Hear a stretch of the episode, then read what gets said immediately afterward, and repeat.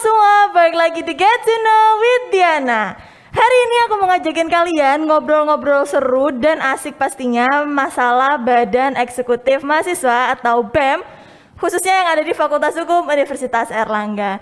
Dan kebetulan banget hari ini aku kedatangan dua bintang tamu spesial yang bakal nemenin kalian dan mungkin menjawab pertanyaan-pertanyaan kalian mengenai Badan Eksekutif Mahasiswa khususnya yang ada di Fakultas Hukum Universitas Erlangga. Hari ini kita kedatangan Presiden BEM dan juga Wapres BEM Fakultas Hukum Universitas Erlangga periode 2021-2022, Mas Mandala dan Mbak Feve. Halo semuanya, halo Diana. Halo, boleh dong mungkin dikasih intermezzo sedikit nih perkenalan diri mungkin supaya teman-teman juga tahu siapa sih Pres Bempu ini sebenarnya siapa sih Wapres Bempu ini sebenarnya.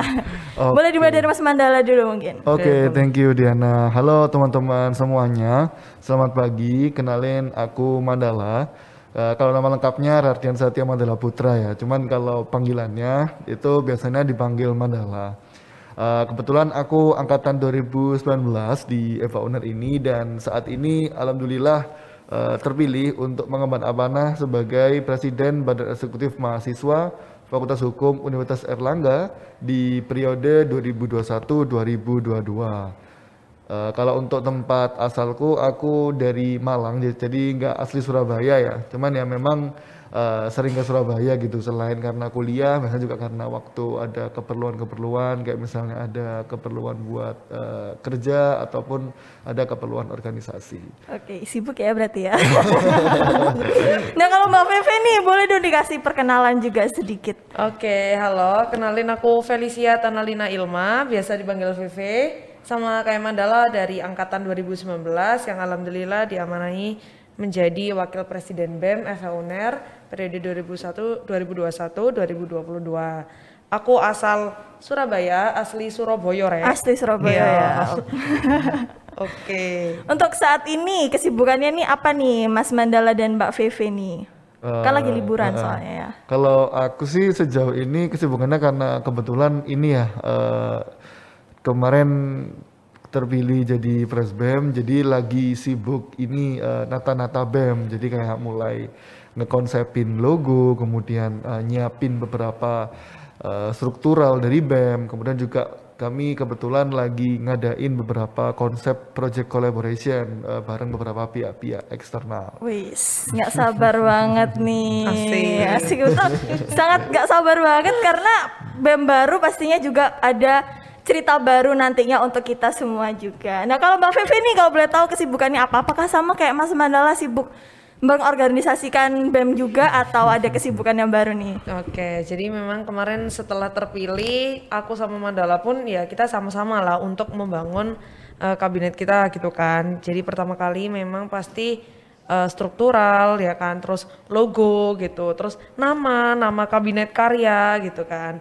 Terus juga eh, pemilihan oprek menteri gitu. Nah, itu eh, memang tahap-tahap yang harus dilakukan pada saat pembentukan kabinet di awal-awal seperti itu. Itu lumrah ya pasti terjadi di setiap pembentukan kabinet yang baru. Nah, kan kita udah bahas nih tentang BEM-BEM nih. Kita pasti udah tahu dong kesibukan pres dan wapres BEM kita ini pasti super sibuk banget. Tapi ada nggak sih kayak kegiatan selain BEM nih yang lagi mungkin hobi baru yang lagi dilakukan untuk mengisi waktu luang liburan gitu atau apa gitu mungkin. Hmm.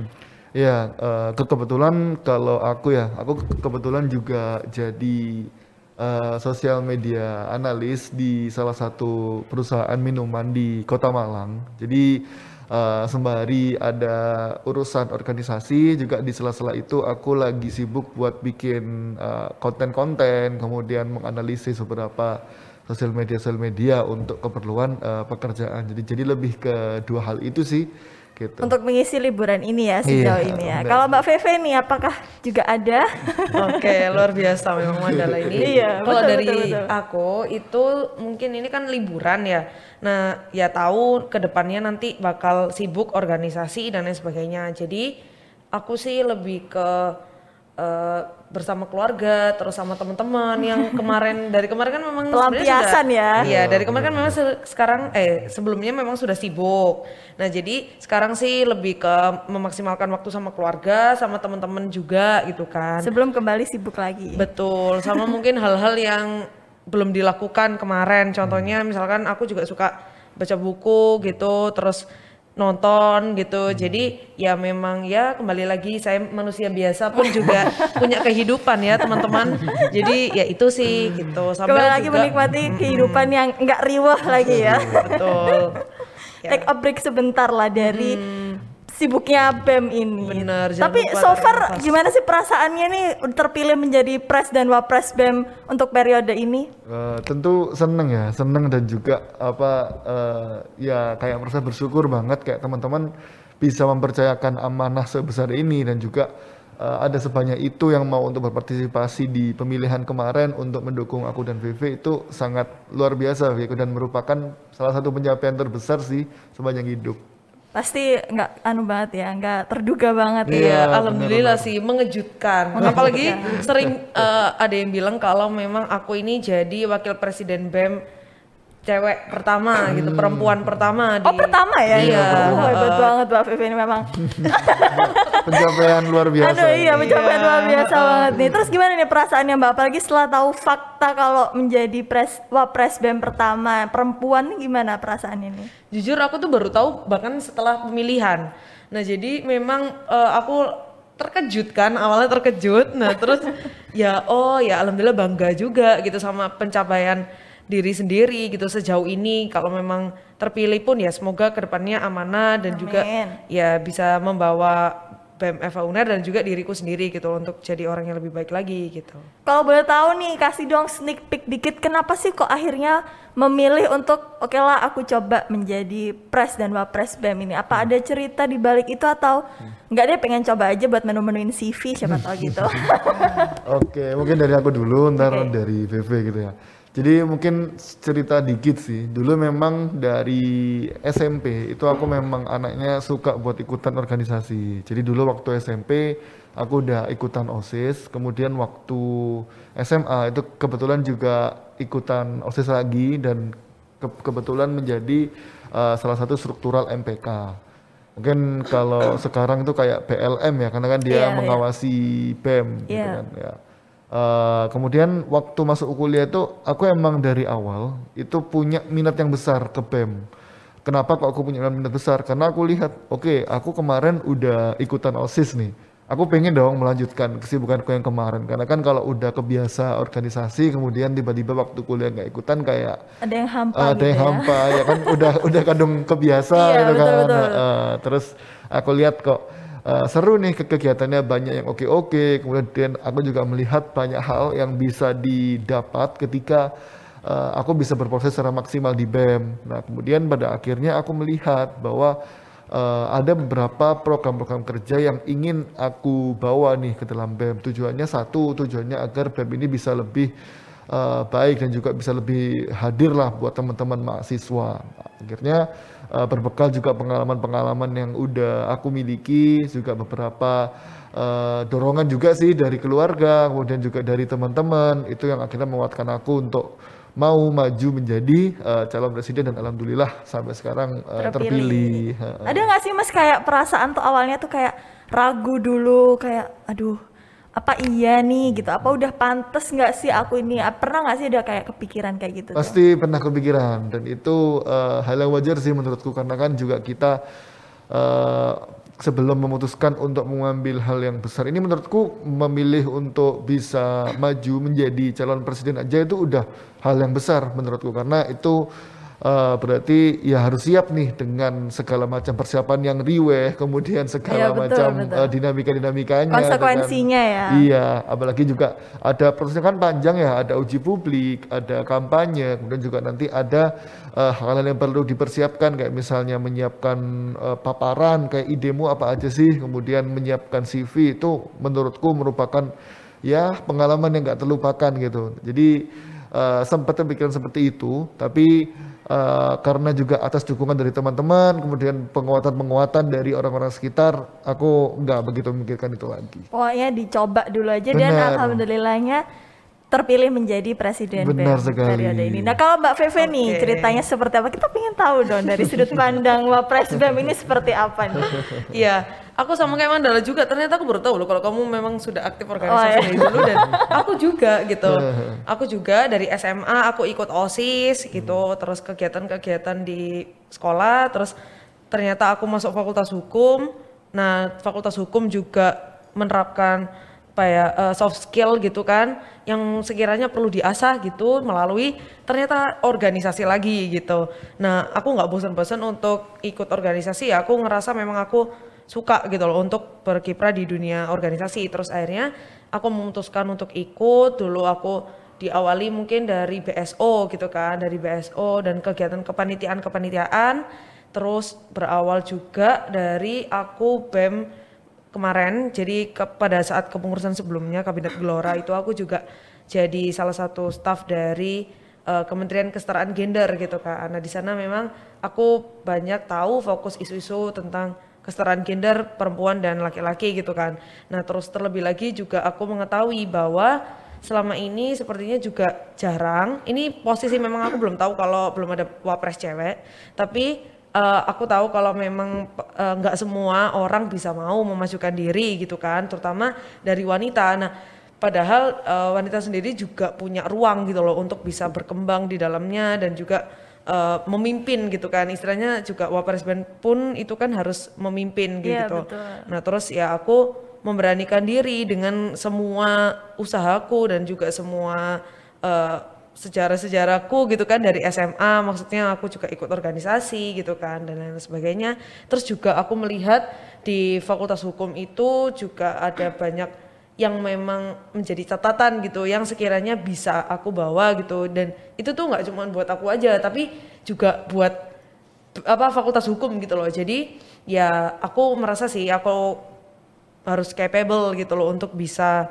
maju jadi wapres BEM gitu. Dan ya alhamdulillah, ternyata, Alhamdulillah, ternyata terpilih, terpilih. dan juga alhamdulillah tahu kalau misalkan masyarakat ini mempercayakan kita dengan kemarin juga eh, partisipasi terbanyak juga gitu kan. Jadi Alhamdulillah, ya alhamdulillah nggak cuma environment mendukung gitu Iya. kan tapi aku pribadi juga harus memantapkan diri gitu. Kalau memang oh ya aku harus bisa gitu kan untuk jadi yang terbaik gitu.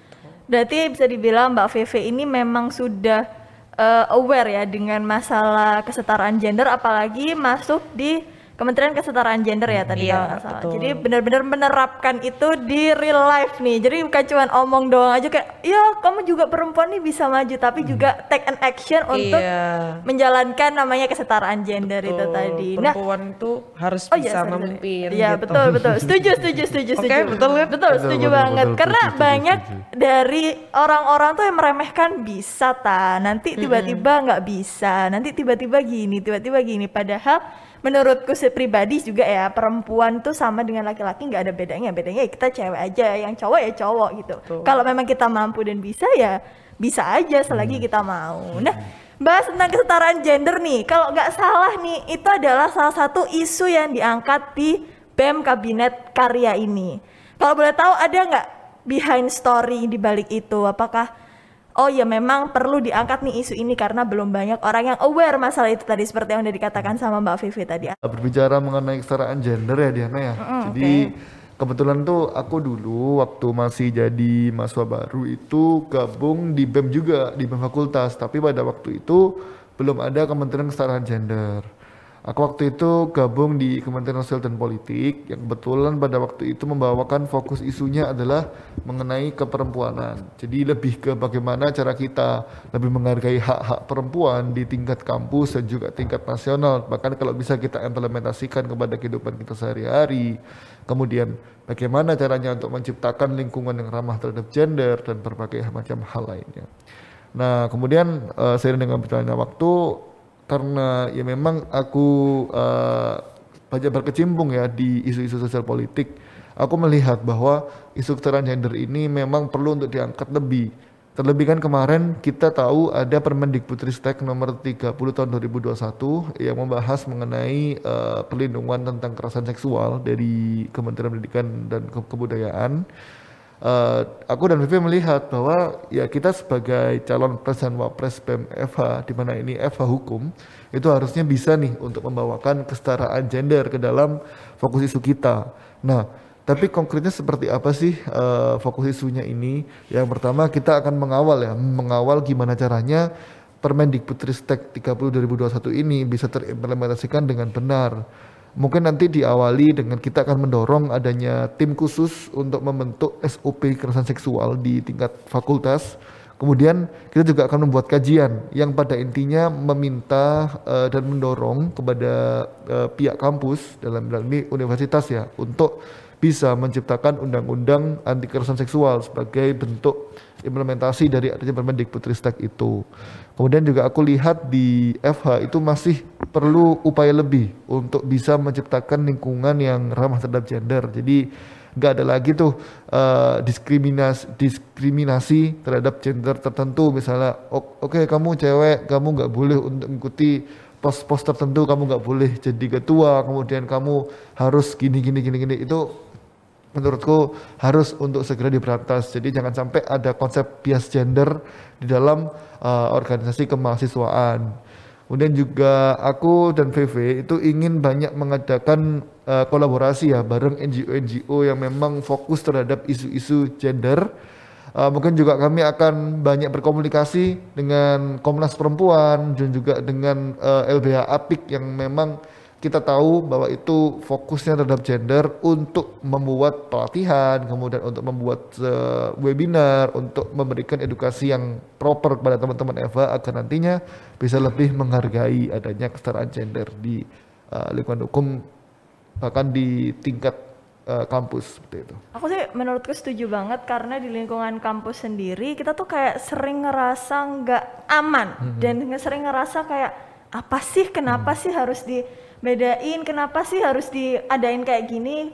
Padahal kan kita semua sama maksudnya kita tidak ada kelebihan itu dimiliki oleh masing-masing orang bukan masing-masing gender. Jadi kalau masalah gender ya tergantung pribadinya masing-masing. Kalau memang kamu bisa bersaing secara sehat dan sama ya it's okay. As long as kita bisa menanggapi itu. Jadi menurutku juga kesetaraan gender di kampus ini ya masih sangat amat rendah dan bahkan sering eh, bahkan dari kita sendiri mahasiswanya itu merasa kayak ya ngapain sih kayak gitu juga dibahas itu kan nggak penting padahal bagi sebagian orang itu adalah masalah yang penting banget. Kalau menurut Mbak Vivi nih gimana sih kesetaraan gender yang ada di Eva Uner ini sendiri? Apakah menurut Mbak Vivi ini udah oke lah boleh tinggal ditingkatkan lagi atau masih bener-bener sangat em, rendah pengetahuannya terhadap kesetaraan gender?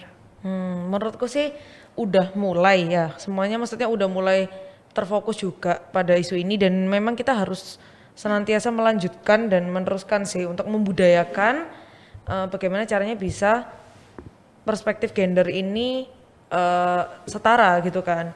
Dan juga mungkin ketika nanti kita membudayakan organisasi gitu ya. Misalnya kita memiliki budaya dalam suatu organisasi juga tentunya melihat bukan dari gender gitu kan, bukan melihat apakah itu laki-laki atau perempuan, tapi kapasitas gitu dari Kemampuan ya. kemampuan. Nah nanti pun dalam organisasi di BEM itu sendiri juga ya kita upayakan melihat dari bagaimana orang itu bisa berpendapat, bagaimana orang itu bisa berpikir gitu kan tanpa melihat gender. Jadi itu pun cara kita untuk melatih perspektif gender eh, yang sehat dan setara itu adalah dengan kita nanti membudayakan organisasi yang memang kita melihat dari capability gitu kan, bukan melihat gender. Bukan gitu. lihat cowok atau ceweknya tapi Betul. melihat apakah orang itu mampu menjalani tugas yang nanti akan diberikan. Iya betul. Setuju, setuju banget.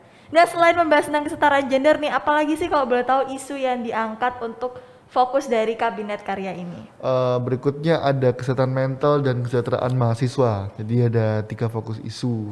Jadi kesetaraan gender, yang kedua ada kesehatan mental, dan yang ketiga ada kesejahteraan mahasiswa. Kalau boleh tahu kenapa sih kok pingin mengangkat kesehatan mental? Maksudnya itu kan kayak kita nih bukan jurusan psikologi gitu. Kenapa Iya. kok pengen mengangkat? Apakah balik lagi ada behind story di balik itu atau eh, ya merasa perlu aja gitu. Iya, oke. Aku mau jawab dulu. Boleh, Boleh, aja. boleh, boleh. Kesehatan mental ini terutama dalam organisasi ya. Kamu sering dengar eh, apa ya orang-orang ini terlalu banyak kegiatan sehingga mereka eh, kesehatan mentalnya terganggu gitu kan. Terutama kemarin pada saat pandemi juga pasti banyak perubahan psikologis gitu kan yang terjadi dan juga seiring berjalannya waktu juga ketika mengikuti kegiatan ya istilahnya penat dan mungkin memang itu adalah eh, imbas dari eh, belum terlalu memperhatikan kesehatan mental. Jadi kita tuh pengen adanya work life balance yang sering kita kali ucapkan kalau memang ada orang yang bertanya terkait kenapa kok harus kesehatan mental gitu kan. Itu kita work life balance. Nah, eh, gimana caranya kita mengimplementasikan? Kita punya empat budaya eh, empat budaya organisasi yang nanti bisa diterapkan gitu. Nah, di dalamnya itu memang kita adanya apresiatif gitu di mana ya kita perlu mengapresiasi seluruh kinerja dari staf-staf dan anggota. Jadi nanti ketika kita berorganisasi itu bukan cuman eh, keprofesionalan terkait program kerja yang dijalankan, tapi bagaimana kita bisa menjadi keluarga gitu kan. Bagaimana pada saat nanti menjalankan program kerja dan semua kegiatan BEM itu juga kita harus eh, memperhatikan eh, kesehatan mental gitu. Terutama ya maksudnya harus balance lah gitu loh. Dan komunikasinya tentu harus yang baik kayak gitu kan. Ya mungkin dari aku itu dulu sih man. Oke. Eh, sejalan dengan yang disampaikan sama VV tadi ya. Memang eh, kami melihat bahwa isu kesehatan mental ini urgent untuk dibawa oleh Ormawa di tingkat kami, tingkat-tingkat fakultas PMFA UNER. Eh, karena di periode-periode se- sebelumnya itu eh, kami belum belum melihat ada- adanya concern terhadap isu itu dan kami sebisa mungkin itu ingin eh, mewujudkan ormawa yang memang sehat eh, secara kerja dan juga sehat secara mental. Jadi ada konsep work life balance itu yang memang benar-benar ingin kami terapkan. Jadi jangan sampai nanti teman-teman di BEM ini nanti merasa terbebani, kemudian merasa stres, terus depresi gitu kan. Eh, itu untuk hal yang mendasarnya seperti itu.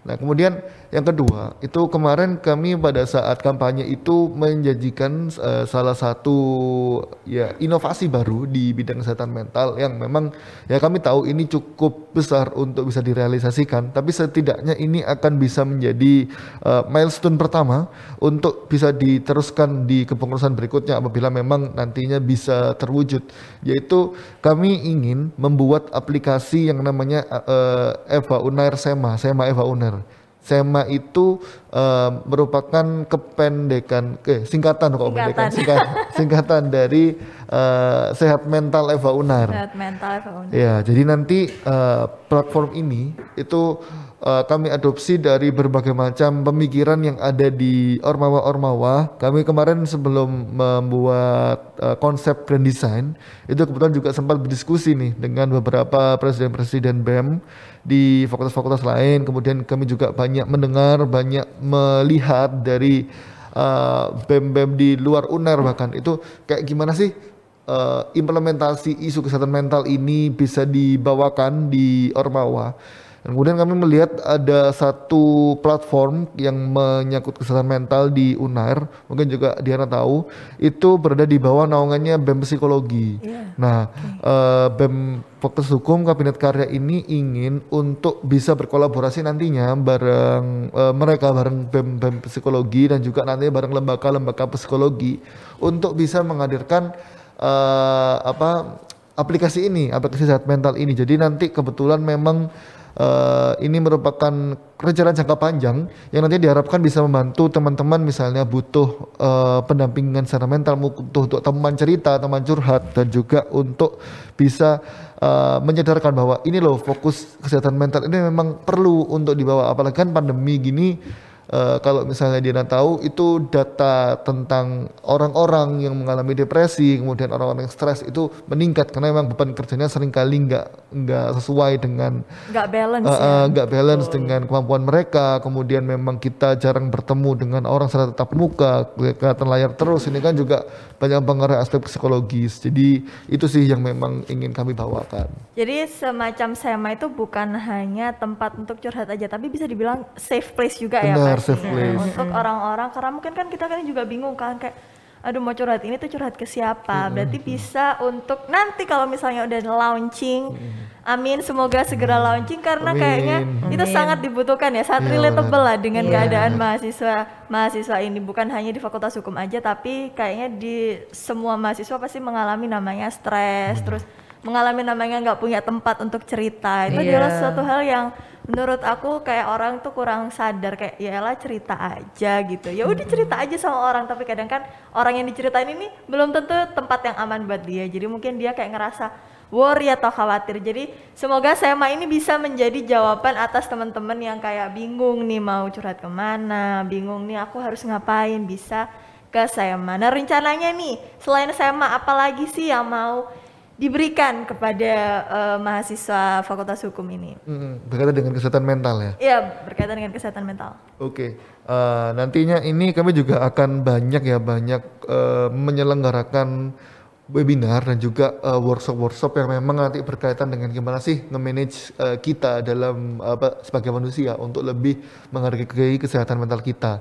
Nantinya pro- program ini akan di bawah naungan eh, Kementerian Pemuda dan Olahraga, tetapi lebih spesifiknya itu di kepemudaannya karena Uh, nanti untuk aspek kesehatan mental ini akan banyak kita elaborasikan dengan hal- hal-hal yang berkaitan dengan uh, semangat-semangat kepemudaan. Kayak misalnya nanti dikaitkan dengan uh, misalnya overwhelm uh, proker-proker yang terlalu banyak kemudian burn apa burnout kemudian ha, kemudian juga uh, bagaimana caranya kita untuk bisa tetap uh, oke walaupun kita lagi ya mungkin lagi nggak proper lagi lagi nggak enggak apa enggak oke lah buat memimpin rapat tapi karena karena kita harus harus profesional itu nanti gimana caranya? Nah itu nanti bakal banyak kita ulas di Kementerian Pemuda dan Olahraga ini.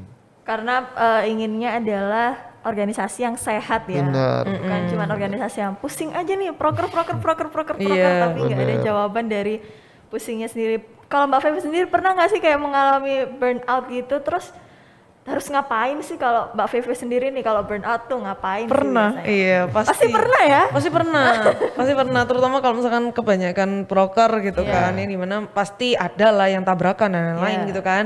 Nah ya burnout itu suatu yang wajar sih, pasti semua orang mengalami dan caranya orang untuk masing-masing mengatasi burnout itu memang berbeda-beda gitu kan.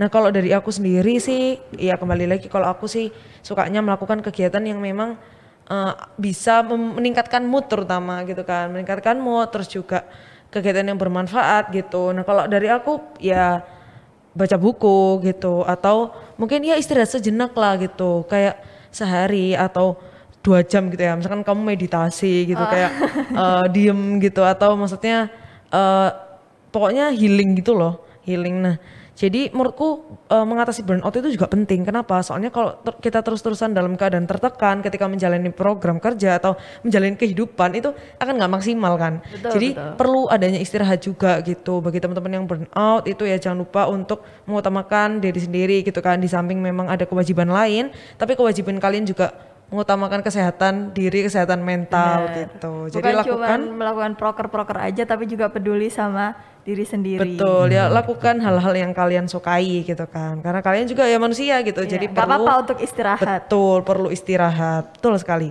Kalau Mas Mandala nih pernah juga nggak ngalamin kayak burnout? Karena kalau dilihat-lihat dari Instagramnya Mas Mandala nih storynya tiap hari ya. Kalau saya scroll nih kayak, waduh, Mas Mandala ini apa nih maksudnya ini nggak bisa nih. Ada aja, Tiap ya hari tuh ada jo pagi itu udah update rapat nih.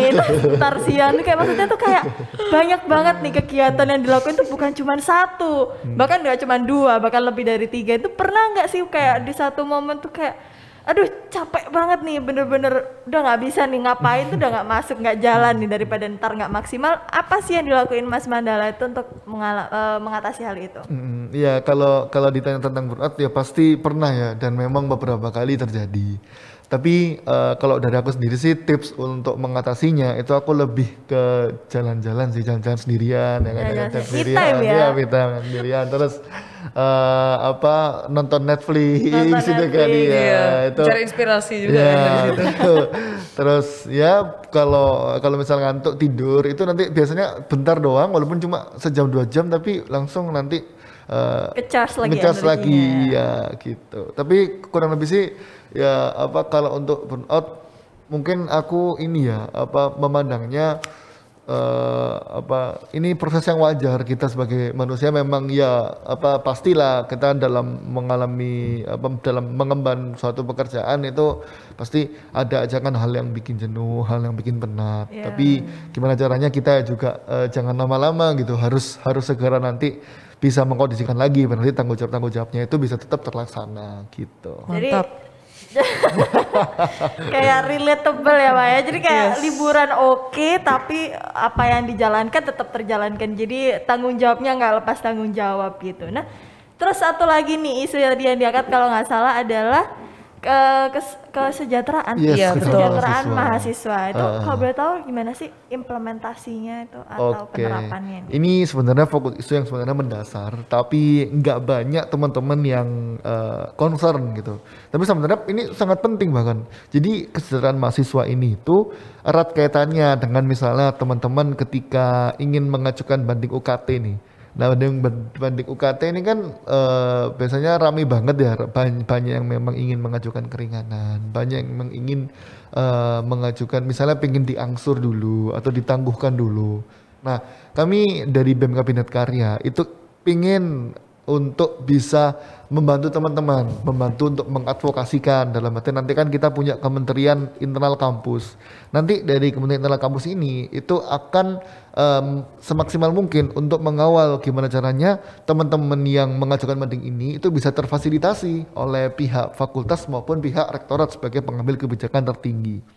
Kemudian kayak misalnya teman-teman di sini ada yang ikut lomba gitu kan, ada yang ikut lomba misalnya mood, lomba mood court lah, national mood court. Kemudian dia butuh untuk diasistensi perihal dengan peminjaman ruangan. Eh, yang itu mungkin mereka merasa kesulitan untuk membagi waktunya antara eh, hari mereka latihan ataupun nanti mereka merasa kesulitan untuk berkomunikasi. Nah itu kami dari BEM Kabinet Karya itu akan membantu untuk itu. Jadi kami ingin memang meng- menghadirkan BEM yang hadir untuk teman-teman yang kita bisa concern ke fokus isu yang bahkan mendasar, tapi eh, bisa benar-benar membantu. Jadi bisa sampai akar rumputnya itu bisa kena gitu. Nah kemudian eh, berikutnya bisa kayak misalnya teman-teman ingin pinjam Zoom nih, pinjam Zoom. Nah, itu kita bisa untuk mencoba mengadvokasikan hal itu karena kan kita eh, sebenarnya juga memang perlu ya hampir tiap hari kita perlu nge-zoom, Iya, kita betul. hampir hampir tiap hari perlu rapat. Nah, itu yang memang ingin kita bawakan sebagai fokus isu. Jadi hal yang mendasar berbeda dengan eh, kesetaraan gender dan kesetaraan mental yang itu meru- merupakan isu universal. Tapi isu kesehatan mahasiswa ini sebenarnya nggak kalah penting. Jadi makanya kemarin waktu eh, kampanye itu kami benar- benar-benar menekankan ke tiga fokus isu ini. Jadi biar nanti teman-teman yang merasa oh ini loh aku punya BEM. Jadi jangan sampai BEM ini tuh eh, nggak ada esensinya bagi teman-teman. Kami ingin eh, hadir untuk teman-teman. Jangan sampai nanti eh, teman-teman merasa nggak punya BEM gitu. Nah, pertanyaannya bagaimana caranya Iya, gitu kan? bagaimana nah, kita caranya nih? nge- melakukan pendataan secara rutin. Kita juga ada program kerja namanya gudang aspirasi gitu. Jadi ya memang kan perlu adanya check and balance ya antara mahasiswa dan juga BEM FH UNER gitu kan. Apalagi kita sebagai penjembatan antara dekanat dan mahasiswa. Nah, di sana ada gudang aspirasi di mana kita melakukan pendataan bagi teman-teman memang yang melakukan melakukan eh sorry kok melakukan tapi eh, mengalami gitu kan. Mengalami kesulitan-kesulitan dalam kampus gitu. Kita tampung terus nanti eh, harusnya kita salurkan gitu kan kepada yang berkaitan seperti itu Jadi bukan cuman didengar aja, tapi juga disampaikan kepada eh, siapa yang dituju itu tadi. Hmm, betul diadvokasikan. nggak cuma ditampung tapi juga ya dilakukan Soalnya seringnya kan kayak iya iya iya ntar ntar dibilangin ya ntar ini tapi nggak tersampaikan nggak tersampaikan. nih. Betul. iya. Nah, sering uh-uh, sering kali kayak gitu dan itu kenapa? Karena mungkin nggak ada pendataan yang rutin gitu. Jadi kan simpang siur cuman kayak menyampaikan aspirasi secara mulut ke mulut gitu kan. Di mana kita perlu data juga di mana orang-orang eh, perlu melihat gitu loh kalau kayak apa yang kurang gitu kan nah, itu bisa dituliskan di situ gitu sih Jadi bikin kayak kajian biar nanti Iya, juga pengambil kebijakannya itu bisa tahu oh ini loh yang diminta itu ini. Jadi nggak cuma perihal dari omongan aja, tapi kita punya datanya. Ini loh Pak Bu, eh, kami ada teman-teman yang memang punya kendala di apa di aspek ini ini ini ini ini. Itu yang mereka inginkan itu seperti ini. Apakah memang mungkin? Kalau emang nggak mungkin, kira-kira apa yang bisa kita kita ajukan sebagai jalan tengah? Itu kita bisa berkomunikasi bersama gitu. Terus gimana nih kalau mau taunya kayak aku kemarin tuh udah mengajukan aspirasi ini ke BEM, tapi gimana sih taunya udah ditindaklanjuti atau belum atau mungkin kayak oh ini masih dalam proses nih gimana sih cara taunya nih biar teman-teman juga kayak jelas gitu. Hmm, iya. Jadi kalau untuk itu, itu eh, nanti kan kalau mungkin kita berbicara mengenai UKT ya. Kita bicara mengenai UKT itu kan nanti ba- erat kaitannya dengan Kementerian Internal Kampus. Dan nanti teman-teman silahkan untuk bisa langsung eh, apa berkoordinasi dengan Menteri Income dan nanti juga Menteri Income pasti akan membuatkan grup untuk khusus teman-teman yang mengajukan keringanan di mana itu nanti akan dijadikan sebagai pusat informasi. Jadi segala informasi yang memang didapatkan dari Menteri Income baik itu dari aku, dari VV maupun dari fakultas atau dari rektorat mungkin itu akan disalurkan di sana. Atau mungkin teman-teman ingin langsung ngobrol sama aku dan VV silakan. Jadi kami memang eh, sangat terbuka untuk itu, tapi untuk pusat koordinasinya itu ada di Menteri Income selaku memang eh, pendelegasian tugasnya untuk aspek kayak pandemi UKT dan lain-lain itu memang ke Menteri Income gitu. Menteri Income. Oke. Terus setelah itu, setelah kita bahas tentang itu semua, ada nggak sih rencana dekat ini BEM itu mau ngapain nih? Kasih dong sneak peek dikit aja. Rencana nih dalam waktu dekat apa yang mau di launch atau apa gitu boleh dong. Oke, dalam wak- waktu dekat kita mempersiapkan oprek, dirjen dan staff gitu. Oprek, Jadi dirjen, dan ya staff. ditunggu juga untuk teman-teman untuk gabung gitu kan dalam kabinet karya itu sih proyek terbesarnya gitu. Gimana nih kalau mau lihat informasinya nih bisa dilihat di mana tentang oprek dirjen dan staff ini? Nah, nanti akan diinformasikan melalui Instagram BEM gitu. Jadi tunggu. Dan jangan lupa follow Instagram BEM Eva Uner di Iya. @bem_eva_uner. Ini nanti biar kayak misalnya ada info-info eh, Mas, aku kok nggak pernah dapat ini ya, dapat info beasiswa, nggak pernah dapat info magang, nggak pernah dapat info-info berkaitan dengan mahasiswa. Loh, tapi kamu udah udah follow IG BEM belum? Nah, kalau kalau benar, kalau belum follow silakan follow di @bem_eva_uner agar nantinya semua info-info berkaitan dengan mahasiswa itu bisa teman-teman dapatkan di sana. Nah, untuk dirjen dan staff eh, dipersiapkan dari sekarang ya teman-teman. Ini sedikit bocoran gitu ya Bocoran dipersiapkan nih, dari sekarang. Bocoran langsung dari Presbem dan Pak Presbemnya nih. dipersiapkan dari sekarang eh, bisa mulai nyiapin CV-nya kemudian bisa mulai nyiapin kayak apa motivation letter dan data-data dasarnya untuk nanti bisa teman-teman gunakan di oprek dirjen dan staff Jadi kalau udah tanggalnya udah launch langsung Hmm, aja langsung. daftar. benar beberapa hari lagi bakal launch teman-teman jadi bisa langsung aja ditunggu di Instagram BM Eva Jangan lupa di follow juga BEM eh, Eva Uner itu karena banyak informasi bukan cuma tentang eh, BEM aja tapi juga tentang keseluruhan Uner terus Hmm. Bener. seperti dia kayak ada beasiswa terus juga misalnya Magang. magang, dan bisa kayak eh, langsung DM nggak sih atau ada kontak personnya atau gimana? Bisa langsung DM dan juga ada kontak person, jadi lengkap. Kalau Lengkap misalnya di ya. DM, waduh mas ini kok nggak dibales-bales, oh, Lama silakan, ya. bisa langsung ke kontak Iya. person. Langsung ke kontak person BEM Eva Uner tersebut. Dan nih sekian udah panjang banget kita udah menjelaskan semua nih seluk beluk BEM. Kita doanya adalah supaya BEM Kabinet Karya ini bisa memberikan perubahan juga untuk Amin, ya Allah. yang lebih bagus ya, lebih positif pastinya dan juga bisa menjadi teman untuk eh, mahasiswa-mahasiswa khususnya di Fakultas Hukum Universitas Erlangga ini. Sekian dulu podcast kita hari ini kan dan dikeluarkan oleh BEM. Cukup sekian teman-teman with Diana hari ini. Jangan lupa untuk dengerin episode-episode lainnya dari Get to Know with Diana. Bye bye teman-teman semua. Hai teman-teman semua, balik lagi di Get to Know with Diana. Hari ini aku mau ngajakin kalian ngobrol-ngobrol seru dan asik pastinya masalah Badan Eksekutif Mahasiswa atau BEM khususnya yang ada di Fakultas Hukum Universitas Erlangga.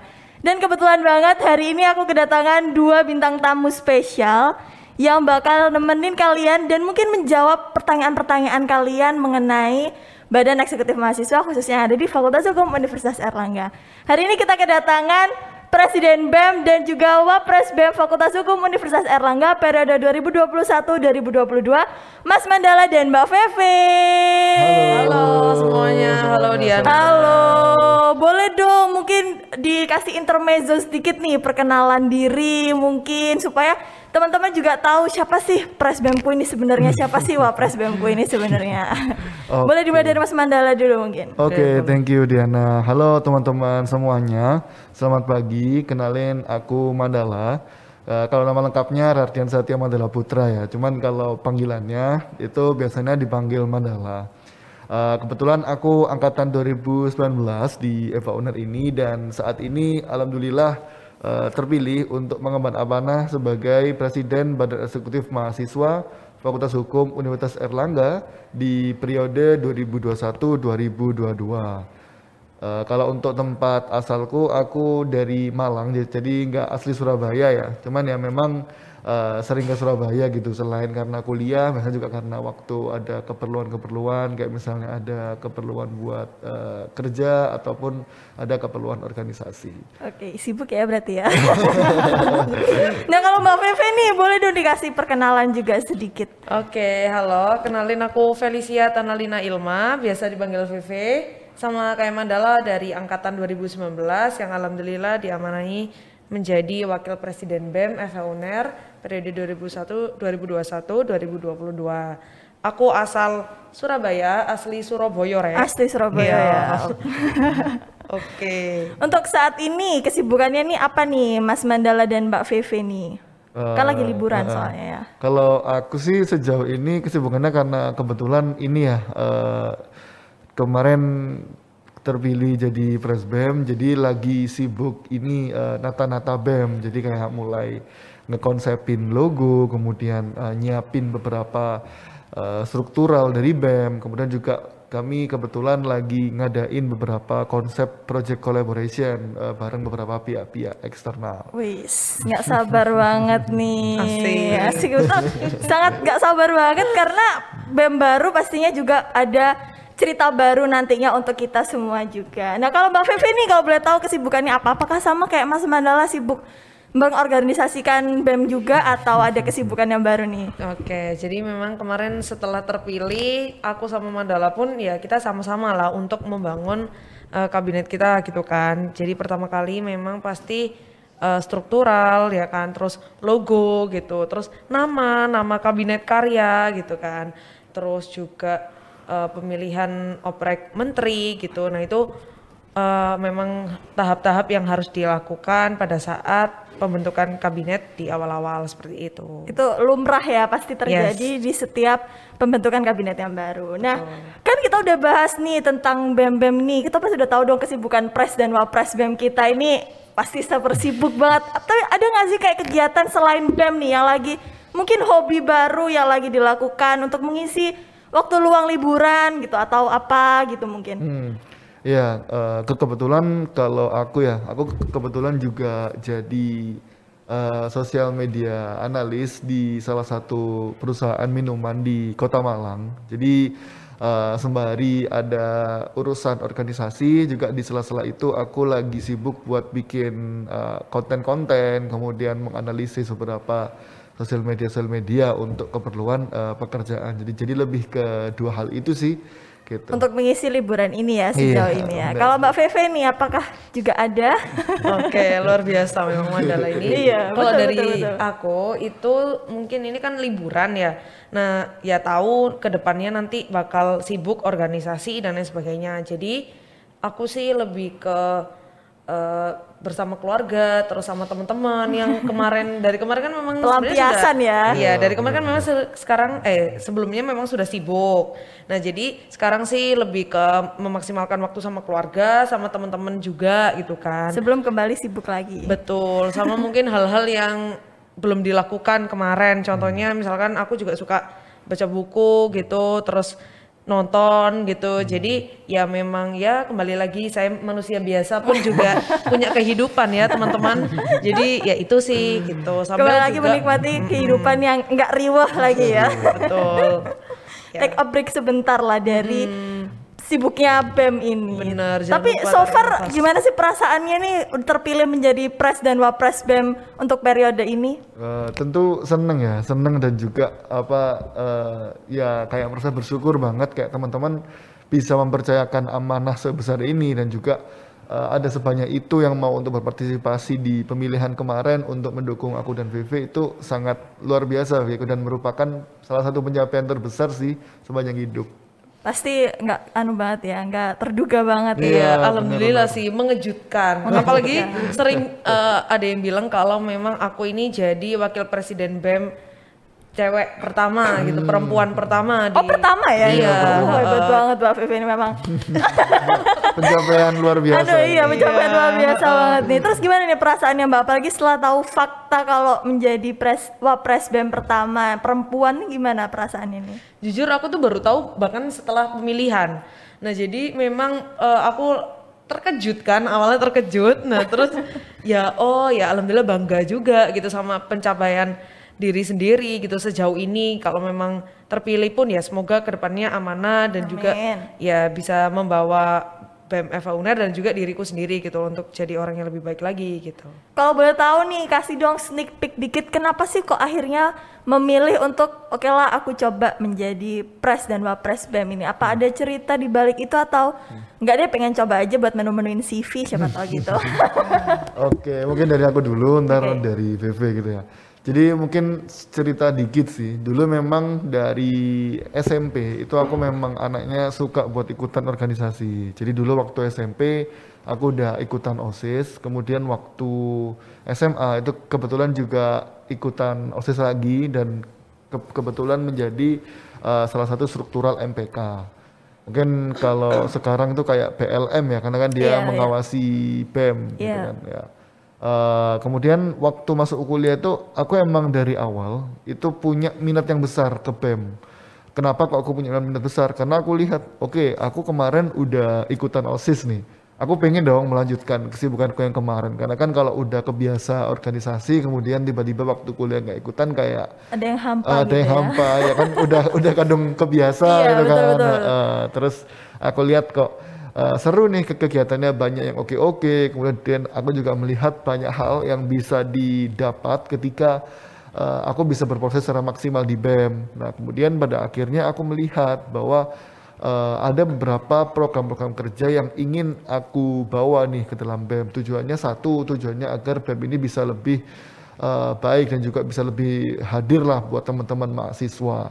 Akhirnya eh, berbekal juga pengalaman-pengalaman yang udah aku miliki, juga beberapa eh, dorongan juga sih dari keluarga, kemudian juga dari teman-teman, itu yang akhirnya menguatkan aku untuk mau maju menjadi eh, calon presiden dan alhamdulillah sampai sekarang eh, terpilih. Heeh. Ada nggak sih mas kayak perasaan tuh awalnya tuh kayak ragu dulu kayak aduh apa iya nih? gitu. Apa udah pantas nggak sih aku ini? Ah, pernah nggak sih ada kayak kepikiran kayak gitu tuh? Pasti pernah kepikiran. Dan itu eh, hal yang wajar sih menurutku. Karena kan juga kita eh, sebelum memutuskan untuk mengambil hal yang besar ini menurutku memilih untuk bisa maju menjadi calon presiden aja itu udah hal yang besar menurutku. Karena itu eh, berarti ya harus siap nih dengan segala macam persiapan yang riweh kemudian segala Iya, betul, macam betul. eh, dinamika-dinamikanya Konsekuensinya ya. Iya, apalagi juga ada prosesnya kan panjang ya, ada uji publik, ada kampanye, kemudian juga nanti ada eh, hal-hal yang perlu dipersiapkan kayak misalnya menyiapkan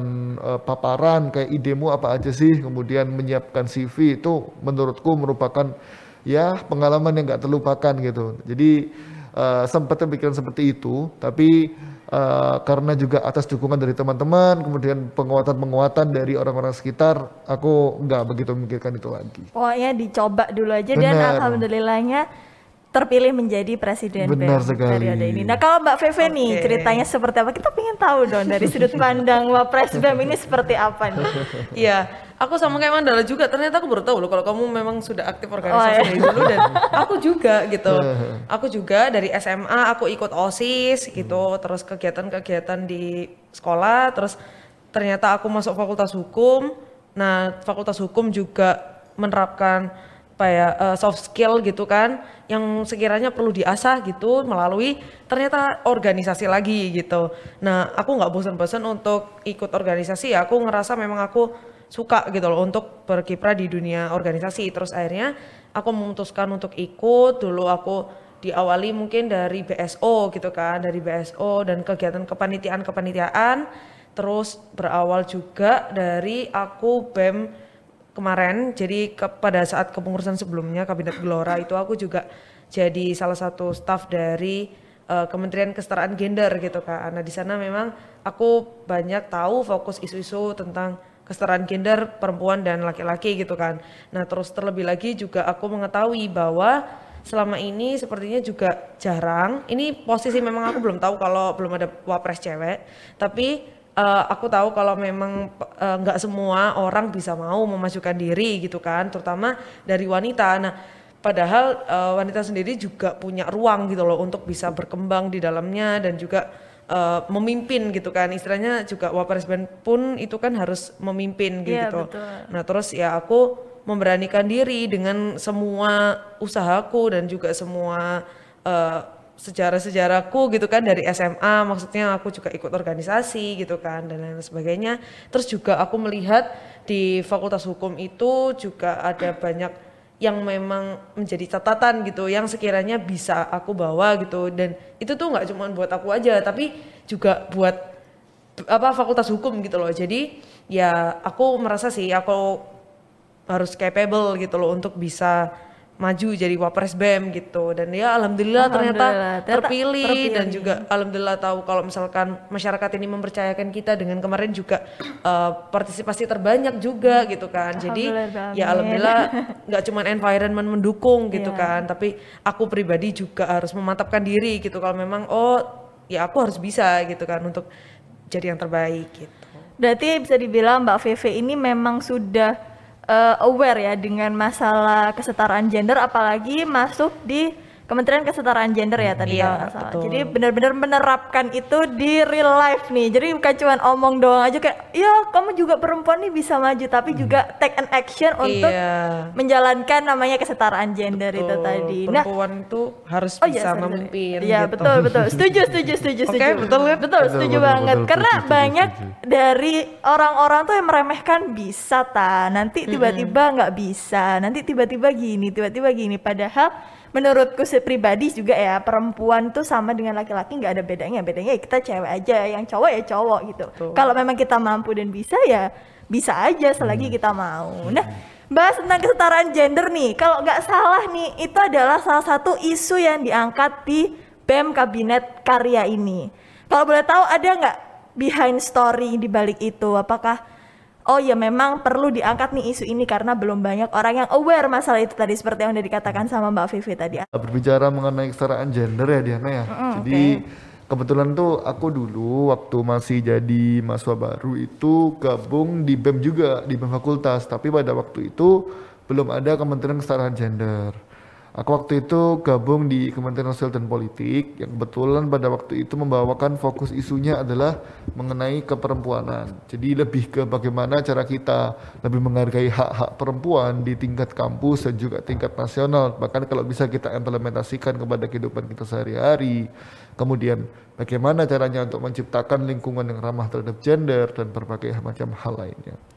Nah, kemudian uh, seiring dengan berjalannya waktu karena ya memang aku uh, banyak berkecimpung ya di isu-isu sosial politik, aku melihat bahwa isu kesetaraan gender ini memang perlu untuk diangkat lebih.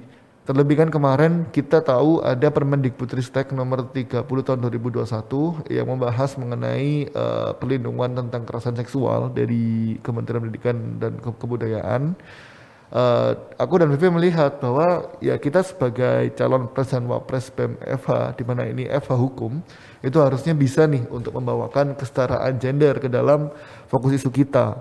Nah, tapi konkretnya seperti apa sih uh, fokus isunya ini? Yang pertama kita akan mengawal ya, mengawal gimana caranya Permendikbudristek 30 2021 ini bisa terimplementasikan dengan benar Mungkin nanti diawali dengan kita akan mendorong adanya tim khusus untuk membentuk SOP kekerasan seksual di tingkat fakultas.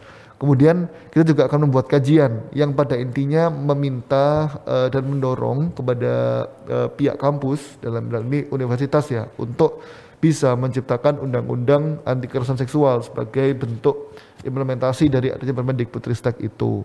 Kemudian juga aku lihat di FH itu masih perlu upaya lebih untuk bisa menciptakan lingkungan yang ramah terhadap gender. Jadi nggak ada lagi tuh uh, diskriminasi diskriminasi terhadap gender tertentu misalnya oke okay, kamu cewek kamu nggak boleh untuk mengikuti pos-pos tertentu kamu nggak boleh jadi ketua kemudian kamu harus gini gini gini gini itu menurutku harus untuk segera diberantas jadi jangan sampai ada konsep bias gender di dalam uh, organisasi kemahasiswaan Kemudian juga aku dan VV itu ingin banyak mengadakan uh, kolaborasi ya bareng NGO-NGO yang memang fokus terhadap isu-isu gender.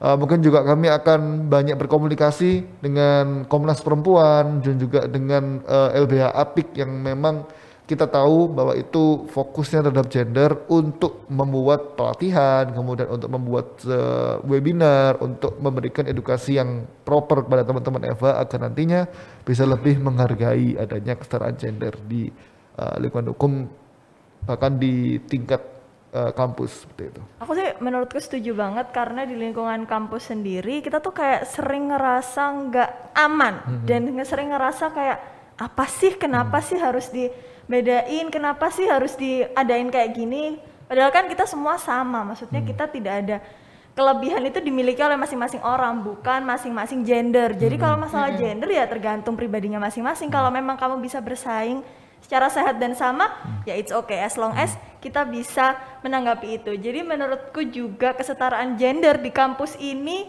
ya masih sangat amat rendah dan hmm. bahkan sering uh, bahkan dari kita sendiri mahasiswanya itu merasa kayak ya ngapain sih kayak gitu juga dibahas itu kan nggak hmm. penting padahal bagi sebagian orang itu adalah masalah yang penting banget. Hmm. Kalau menurut Mbak Vivi nih gimana sih kesetaraan gender yang ada di Eva Uner ini sendiri? Apakah menurut Mbak Vivi ini udah oke okay lah boleh tinggal ditingkatkan lagi atau masih bener-bener sangat um, rendah pengetahuannya terhadap kesetaraan gender?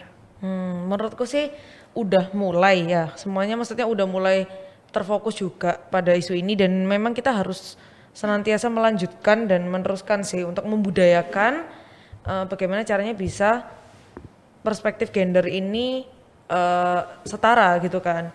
Dan juga mungkin ketika nanti kita membudayakan organisasi gitu ya misalnya kita memiliki budaya dalam suatu organisasi juga tentunya melihat bukan dari gender gitu kan bukan melihat apakah itu laki-laki atau perempuan tapi kapasitas gitu dari kemampuan kemampuan. Ya? nah nanti pun dalam organisasi di BEM itu sendiri juga ya kita upayakan melihat dari bagaimana orang itu bisa berpendapat, bagaimana orang itu bisa berpikir gitu kan tanpa melihat gender. Jadi itu pun cara kita untuk melatih perspektif gender uh, yang sehat dan setara itu adalah dengan kita nanti membudayakan organisasi yang memang kita melihat dari capability gitu kan bukan melihat gender bukan gitu. melihat cowok atau ceweknya tapi betul. melihat apakah orang itu mampu menjalani tugas yang nanti akan diberikan mm -hmm. iya betul setuju setuju banget nah selain membahas tentang kesetaraan gender nih apalagi sih kalau boleh tahu isu yang diangkat untuk fokus dari kabinet karya ini? Uh, berikutnya ada kesehatan mental dan kesejahteraan mahasiswa. Jadi ada tiga fokus isu.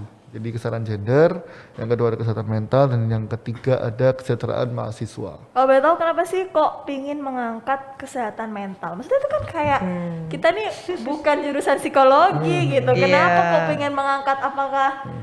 balik lagi ada behind story hmm. di balik itu atau uh, okay. ya merasa perlu aja gitu. Iya, oke. Okay. Aku mau jawab dulu. Boleh, boleh, boleh, boleh. Kesehatan mental ini terutama dalam organisasi ya. Kamu sering dengar uh, apa ya orang-orang ini terlalu banyak kegiatan sehingga mereka uh, kesehatan mentalnya terganggu gitu kan. Terutama kemarin pada saat pandemi juga pasti banyak perubahan psikologis gitu kan yang terjadi. Dan juga seiring berjalannya waktu juga ketika mengikuti kegiatan ya istilahnya penat. Dan mungkin memang itu adalah uh, imbas dari uh, belum terlalu memperhatikan kesehatan mental. Jadi kita tuh pengen adanya work life balance yang sering kita kali ucapkan kalau memang ada orang yang bertanya terkait kenapa kok harus kesehatan mental gitu kan. Itu kita work life balance. Nah eh, gimana caranya kita mengimplementasikan? Kita punya empat budaya eh, empat budaya organisasi yang nanti bisa diterapkan gitu.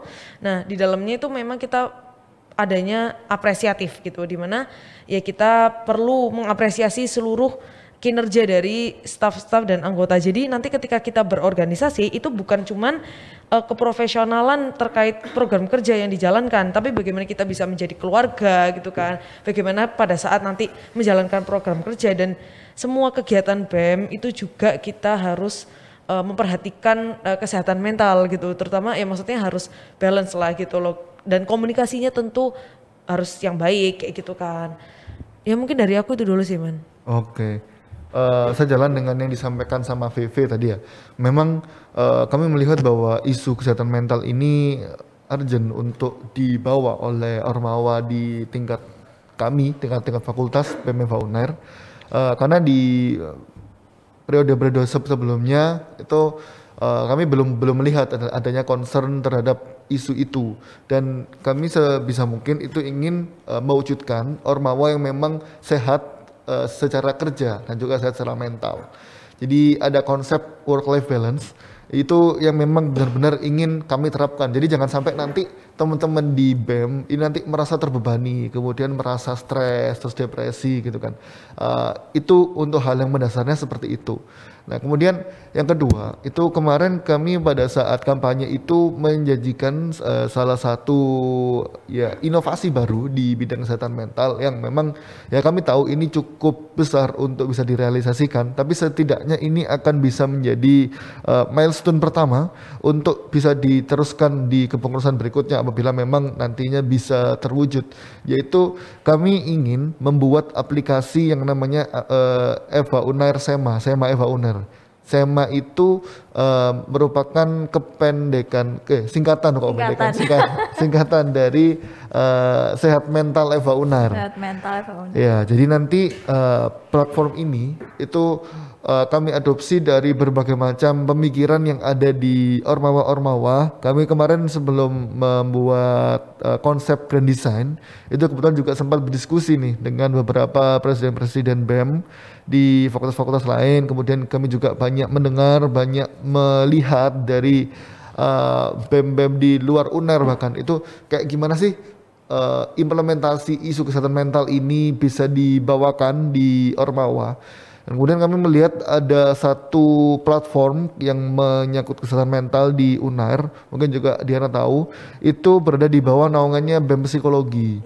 Nah, eh, BEM Fakultas Hukum Kabinet Karya ini ingin untuk bisa berkolaborasi nantinya bareng eh, mereka bareng BEM, BEM Psikologi dan juga nantinya bareng lembaga-lembaga psikologi untuk bisa menghadirkan eh, apa aplikasi ini, aplikasi sehat mental ini. Jadi nanti kebetulan memang eh, ini merupakan rencana jangka panjang yang nanti diharapkan bisa membantu teman-teman misalnya butuh eh, pendampingan secara mental, butuh untuk teman cerita, teman curhat dan juga untuk bisa eh, menyadarkan bahwa ini loh fokus kesehatan mental ini memang perlu untuk dibawa. Apalagi kan pandemi gini Eh, kalau misalnya dia tahu itu data tentang orang-orang yang mengalami depresi, kemudian orang-orang yang stres itu meningkat karena memang beban kerjanya sering kali nggak nggak sesuai dengan Nggak balance ya. eh, nggak balance dengan kemampuan mereka. Kemudian memang kita jarang bertemu dengan orang secara tatap muka, kelihatan layar terus. Ini kan juga banyak pengaruh aspek psikologis. Jadi itu sih yang memang ingin kami bawakan.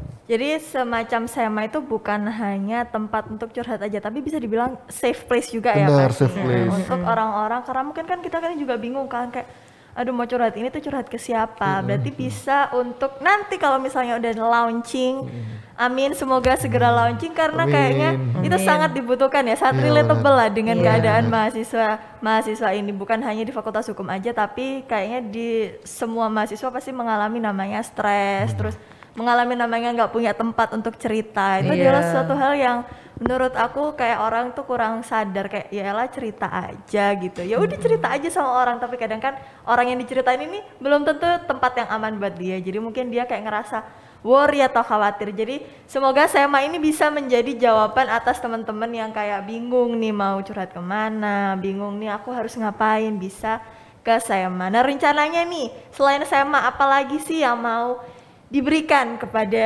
eh, mahasiswa Fakultas Hukum ini? Mm, berkaitan dengan kesehatan mental ya. Iya, berkaitan dengan kesehatan mental. Oke, eh, nantinya ini kami juga akan banyak ya banyak eh, menyelenggarakan webinar dan juga eh, workshop-workshop yang memang nanti berkaitan dengan gimana sih nge-manage eh, kita dalam apa sebagai manusia untuk lebih menghargai kesehatan mental kita.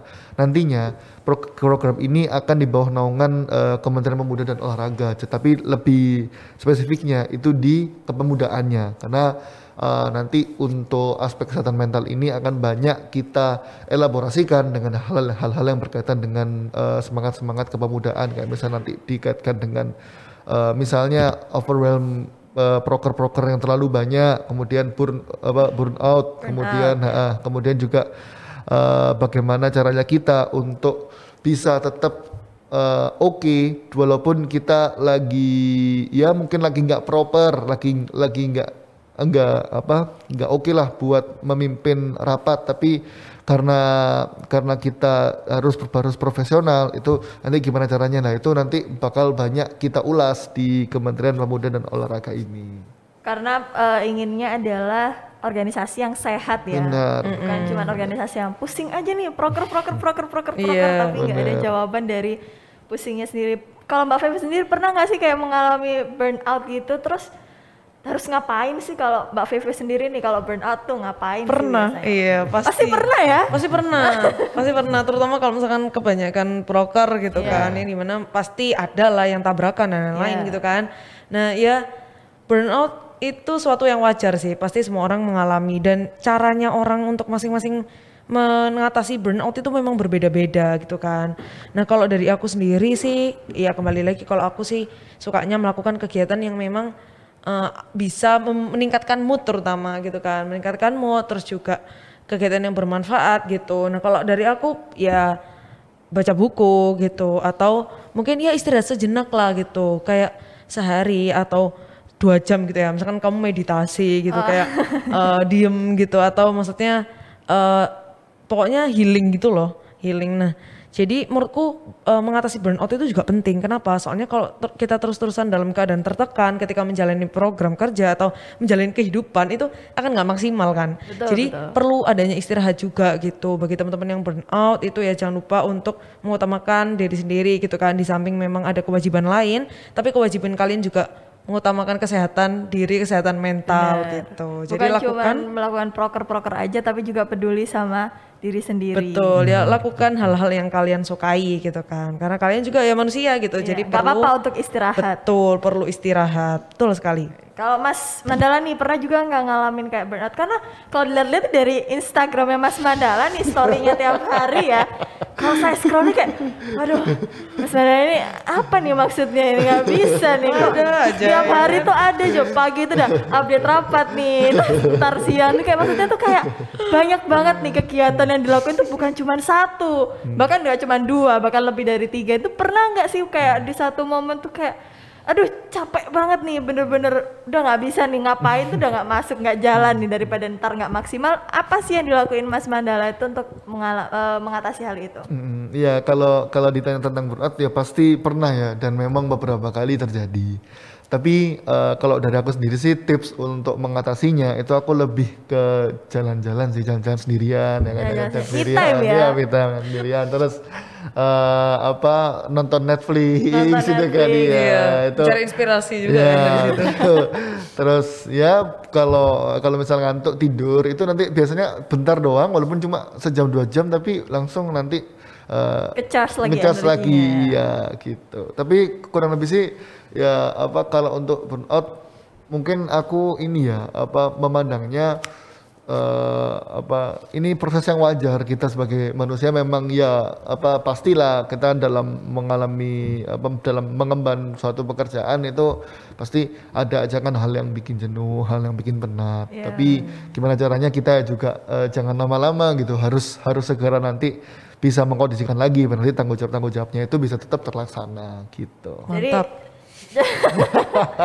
kayak relatable ya Pak ya. Jadi kayak liburan oke tapi apa yang dijalankan tetap terjalankan. Jadi tanggung jawabnya nggak lepas tanggung jawab gitu. Nah, terus satu lagi nih isu yang dia diangkat kalau nggak salah adalah ke kes- kesejahteraan Yes, Iya, betul. kesejahteraan mahasiswa. mahasiswa itu Ah. kalau boleh tahu gimana sih implementasinya itu atau Oke, penerapannya ini? ini sebenarnya fokus isu yang sebenarnya mendasar, tapi nggak banyak teman-teman yang eh, concern gitu.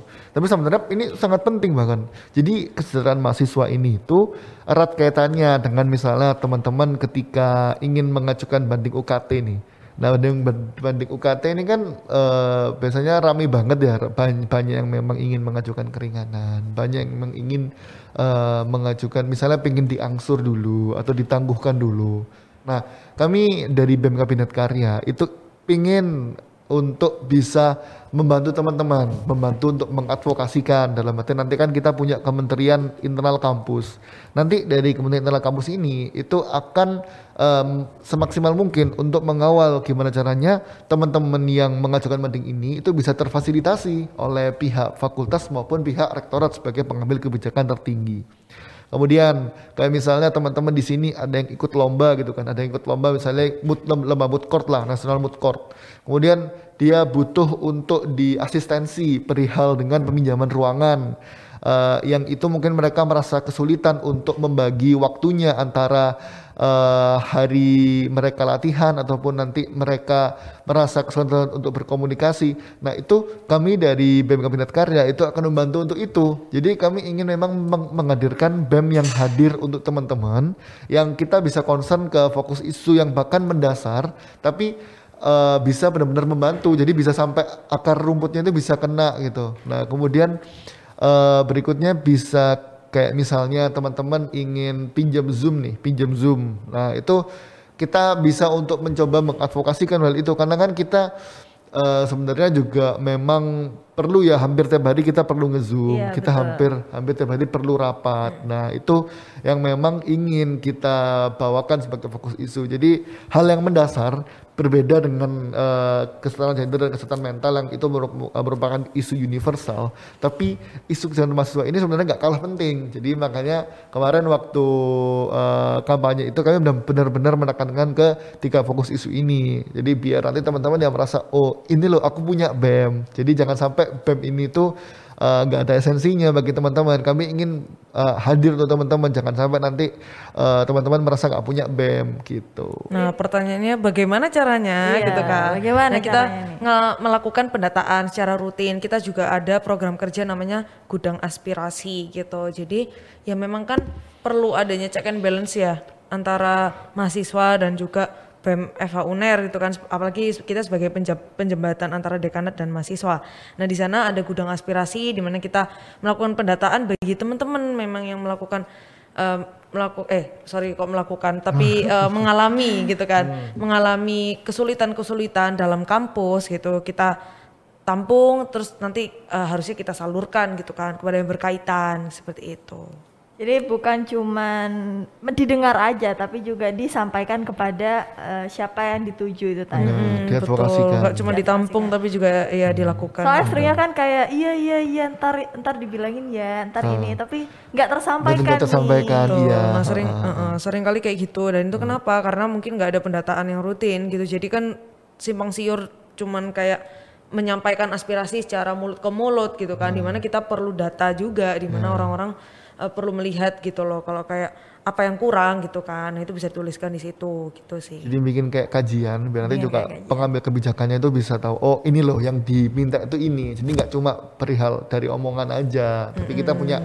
datanya. Ini loh Pak Bu, eh, kami ada teman-teman yang memang punya kendala di apa di aspek ini ini ini ini ini. Itu yang mereka inginkan itu seperti ini. Apakah memang mungkin? Kalau emang nggak mungkin, kira-kira apa yang bisa kita kita ajukan sebagai jalan tengah? Itu kita bisa berkomunikasi bersama gitu. Terus gimana nih kalau mau taunya kayak aku kemarin tuh udah mengajukan aspirasi ini ke BEM, tapi gimana sih taunya udah ditindaklanjuti atau belum atau mungkin kayak oh ini masih dalam proses nih gimana sih cara taunya nih biar teman-teman juga kayak jelas gitu. Hmm, iya. Jadi kalau untuk itu, itu eh, nanti kan kalau mungkin kita berbicara mengenai UKT ya. Kita bicara mengenai UKT itu kan nanti eh, ba- erat kaitannya dengan Kementerian Internal Kampus. Nah, nanti teman-teman silahkan untuk bisa langsung eh, apa berkoordinasi dengan Menteri Income. Dan nanti juga Menteri Income pasti akan membuatkan grup untuk khusus teman-teman yang mengajukan keringanan di mana itu nanti akan dijadikan sebagai pusat informasi. Jadi segala informasi yang memang didapatkan dari Menteri Income baik itu dari aku, dari VV maupun dari fakultas atau dari rektorat mungkin itu akan disalurkan di sana. Atau mungkin teman-teman ingin langsung ngobrol sama aku dan VV silakan. Jadi kami memang uh, sangat terbuka untuk itu, tapi untuk pusat koordinasinya itu ada di Menteri Income. Selaku Income. memang uh, pendelegasian tugasnya untuk aspek ke UKT dan lain-lain itu memang ke Menteri Income. Menteri gitu. Income, oke. Okay.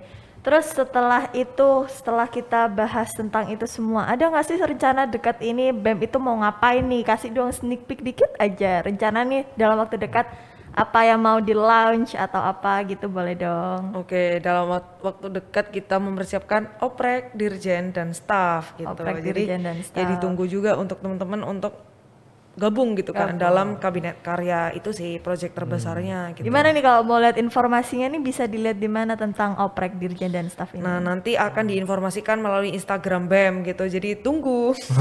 dan jangan lupa follow Instagram BEM Eva Uner di yeah. @bemevauner. Ini nanti biar kayak misalnya ada info-info uh, Mas aku kok nggak pernah dapat ini ya dapat info beasiswa nggak pernah dapat info magang nggak pernah dapat info-info berkaitan dengan mahasiswa.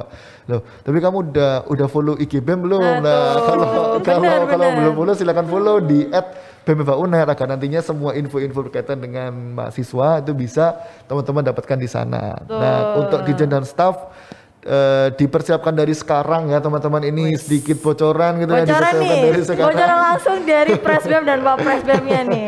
dipersiapkan dari sekarang uh, bisa mulai nyiapin CV-nya, kemudian bisa mulai nyiapin kayak apa motivation letter dan data-data dasarnya untuk nanti bisa teman-teman gunakan di oprek dirjen dan staff. Jadi kalau udah tanggalnya udah launch langsung hmm, aja langsung, daftar. Benar. Yes. Beberapa hari lagi bakal launch teman-teman. Jadi bisa langsung aja ditunggu di Instagram. BEM Eva Uner. Jangan lupa di follow juga BEM uh, Eva Uner itu karena banyak informasi bukan cuma tentang uh, BEM aja hmm. tapi juga tentang keseluruhan Uner terus seperti kayak ada beasiswa, Bener. terus juga misalnya magang. magang. magang dan bisa kayak uh, langsung DM nggak sih atau ada kontak personnya atau gimana? Bisa langsung DM dan juga ada kontak person, jadi lengkap. Kalau misalnya ya? di DM, waduh mas ini kok nggak dibales-bales, oh, Lama ya? bisa langsung ke kontak iya. person. Bisa langsung ke kontak person, BM Eva Uner tersebut. Dan nih sekian udah panjang banget kita udah menjelaskan semua nih seluk beluk BEM. Kita doanya adalah supaya BEM Kabinet Karya ini bisa memberikan perubahan juga untuk BEM ya yang lebih bagus ya, lebih positif Amin. pastinya Amin. dan Amin. juga bisa menjadi teman untuk uh, mahasiswa-mahasiswa khususnya di Fakultas Hukum Universitas Erlangga ini. Sekian dulu podcast kita hari ini kan dan dikeluarkan oleh BEM. Cukup sekian teman-teman Gatin Diana hari ini. Jangan lupa untuk dengerin episode-episode lainnya dari Gatin Diana. Bye bye teman-teman semua. Hai teman-teman semua, balik lagi di Get to Know with Diana. Hari ini aku mau ngajakin kalian ngobrol-ngobrol seru dan asik pastinya masalah Badan Eksekutif Mahasiswa atau BEM Khususnya yang ada di Fakultas Hukum Universitas Erlangga. Dan kebetulan banget hari ini aku kedatangan dua bintang tamu spesial Yang bakal nemenin kalian dan mungkin menjawab pertanyaan-pertanyaan kalian mengenai Badan Eksekutif Mahasiswa khususnya ada di Fakultas Hukum Universitas Erlangga. Hari ini kita kedatangan Presiden BEM dan juga Wapres BEM Fakultas Hukum Universitas Erlangga periode 2021-2022, Mas Mandala dan Mbak Feve. Halo. Halo semuanya, halo Diana. Halo, boleh dong mungkin dikasih intermezzo sedikit nih perkenalan diri mungkin supaya teman-teman juga tahu siapa sih Pres Bempu ini sebenarnya siapa sih Wapres Bempu ini sebenarnya. okay. Boleh dimulai dari Mas Mandala dulu mungkin. Oke, okay, thank you Diana. Halo teman-teman semuanya. Selamat pagi. Kenalin aku Mandala. Uh, kalau nama lengkapnya Rardian Satya Mandala Putra ya. Cuman kalau panggilannya itu biasanya dipanggil Mandala. Uh, kebetulan aku angkatan 2019 di Eva Uner ini dan saat ini alhamdulillah uh, terpilih untuk mengemban amanah sebagai Presiden Badan Eksekutif Mahasiswa Fakultas Hukum Universitas Erlangga di periode 2021-2022. Uh, kalau untuk tempat asalku, aku dari Malang, jadi nggak asli Surabaya ya. Cuman ya memang eh, sering ke Surabaya gitu selain karena kuliah, misalnya juga karena waktu ada keperluan-keperluan kayak misalnya ada keperluan buat eh, kerja ataupun ada keperluan organisasi. Oke, sibuk ya berarti ya. nah kalau Mbak Feve nih, boleh dong dikasih perkenalan juga sedikit. Oke, halo. Kenalin aku Felicia Tanalina Ilma, biasa dipanggil VV. Sama kayak Mandala dari angkatan 2019 yang alhamdulillah diamanahi menjadi Wakil Presiden BEM FH UNER periode 2001 2021 2022. Aku asal Surabaya, asli Surabaya ya. Asli Surabaya Iya. ya. Oke. Untuk saat ini kesibukannya nih apa nih Mas Mandala dan Mbak Feve nih?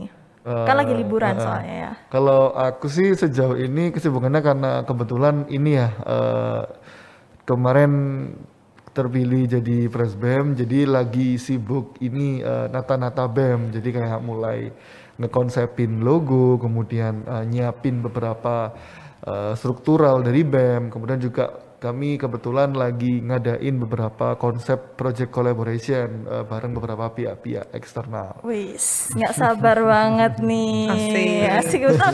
Sangat nggak sabar banget karena BEM baru pastinya juga ada cerita baru nantinya untuk kita semua juga. Nah kalau Mbak Fevi nih kalau boleh tahu kesibukannya apa? Apakah sama kayak Mas Mandala sibuk mengorganisasikan BEM juga atau ada kesibukan yang baru nih? Oke, jadi memang kemarin setelah terpilih, aku sama Mandala pun ya kita sama-sama lah untuk membangun eh, kabinet kita gitu kan. Jadi pertama kali memang pasti eh, struktural ya kan, terus logo gitu, terus nama, nama kabinet karya gitu kan. Terus juga eh, pemilihan oprek menteri gitu. Nah, itu eh, memang tahap-tahap yang harus dilakukan pada saat pembentukan kabinet di awal-awal seperti itu. Itu lumrah ya pasti terjadi di setiap pembentukan kabinet yang baru. Nah, kan kita udah bahas nih tentang BEM-BEM nih. Kita pasti udah tahu dong kesibukan pres dan wapres BEM kita ini pasti super sibuk banget. Tapi ada nggak sih kayak kegiatan selain BEM nih yang lagi mungkin hobi baru yang lagi dilakukan untuk mengisi waktu luang liburan gitu atau apa gitu mungkin. Hmm. Ya, ke- kebetulan kalau aku ya, aku ke- kebetulan juga jadi eh, sosial media analis di salah satu perusahaan minuman di Kota Malang. Jadi eh, sembari ada urusan organisasi, juga di sela-sela itu aku lagi sibuk buat bikin konten-konten, kemudian menganalisis beberapa sosial media sosial media untuk keperluan eh, pekerjaan. Jadi jadi lebih ke dua hal itu sih, gitu. Untuk mengisi liburan ini ya sejauh Iya, ini ya. benar. Kalau Mbak Feve nih apakah juga ada? Oke, luar biasa memang Mandala ini. Iya, Kalau betul, dari betul, betul. aku itu mungkin ini kan liburan ya. Nah, ya tahu ke depannya nanti bakal sibuk organisasi dan lain sebagainya. Jadi aku sih lebih ke eh, bersama keluarga terus sama teman-teman yang kemarin dari kemarin kan memang Pelampiasan ya. Iya, dari kemarin kan memang se- sekarang eh sebelumnya memang sudah sibuk. Nah, jadi sekarang sih lebih ke memaksimalkan waktu sama keluarga, sama teman-teman juga gitu kan. Sebelum kembali sibuk lagi. Betul, sama mungkin hal-hal yang belum dilakukan kemarin. Contohnya misalkan aku juga suka baca buku gitu, terus nonton gitu. Jadi ya memang ya kembali lagi saya manusia biasa pun juga punya kehidupan ya teman-teman. Jadi ya itu sih gitu. Sambil Kembali lagi juga- menikmati kehidupan yang nggak riwah lagi ya. Betul. Ya. Take a break sebentar lah dari sibuknya BEM ini. Bener, jangan Tapi lupa so far gimana sih perasaannya nih terpilih menjadi pres dan wapres BEM untuk periode ini? Eh, tentu seneng ya, seneng dan juga apa eh, ya kayak merasa bersyukur banget kayak teman-teman bisa mempercayakan amanah sebesar ini dan juga eh, ada sebanyak itu yang mau untuk berpartisipasi di pemilihan kemarin untuk mendukung aku dan VV itu sangat luar biasa Viko, dan merupakan salah satu pencapaian terbesar sih sepanjang hidup. Pasti nggak anu banget ya, nggak terduga banget ya. Iya, alhamdulillah sih mengejutkan. Apalagi sering eh, ada yang bilang kalau memang aku ini jadi wakil presiden BEM cewek pertama gitu, perempuan pertama di Oh pertama ya? Iya. Oh, hebat banget Mbak Vivi ini memang. Pencapaian luar biasa. Aduh iya pencapaian Iya, luar biasa banget nih. Terus gimana nih perasaannya Mbak? Apalagi setelah tahu fakta kalau menjadi pres wapres BEM pertama perempuan nih gimana perasaannya nih? Jujur aku tuh baru tahu bahkan setelah pemilihan. Nah, jadi memang eh, aku terkejut kan, awalnya terkejut. Nah, terus ya oh ya alhamdulillah bangga juga gitu sama pencapaian diri sendiri gitu sejauh ini kalau memang terpilih pun ya semoga ke depannya amanah dan juga Amin. ya bisa membawa BEM FA Uner dan juga diriku sendiri gitu loh, untuk jadi orang yang lebih baik lagi gitu. Kalau boleh tahu nih, kasih dong sneak peek dikit. Kenapa sih kok akhirnya memilih untuk oke lah aku coba menjadi pres dan wapres BEM ini? Apa ada cerita di balik itu atau nggak deh pengen coba aja buat menu-menuin CV siapa tahu gitu. Oke, mungkin dari aku dulu, ntar Oke. dari VV gitu ya. Jadi mungkin cerita dikit sih. Dulu memang dari SMP itu aku memang anaknya suka buat ikutan organisasi. Jadi dulu waktu SMP aku udah ikutan OSIS. Kemudian waktu SMA itu kebetulan juga ikutan OSIS lagi dan ke- kebetulan menjadi uh, salah satu struktural MPK. Mungkin kalau sekarang itu kayak PLM ya, karena kan dia Iya, iya. mengawasi BEM gitu Iya. kan ya.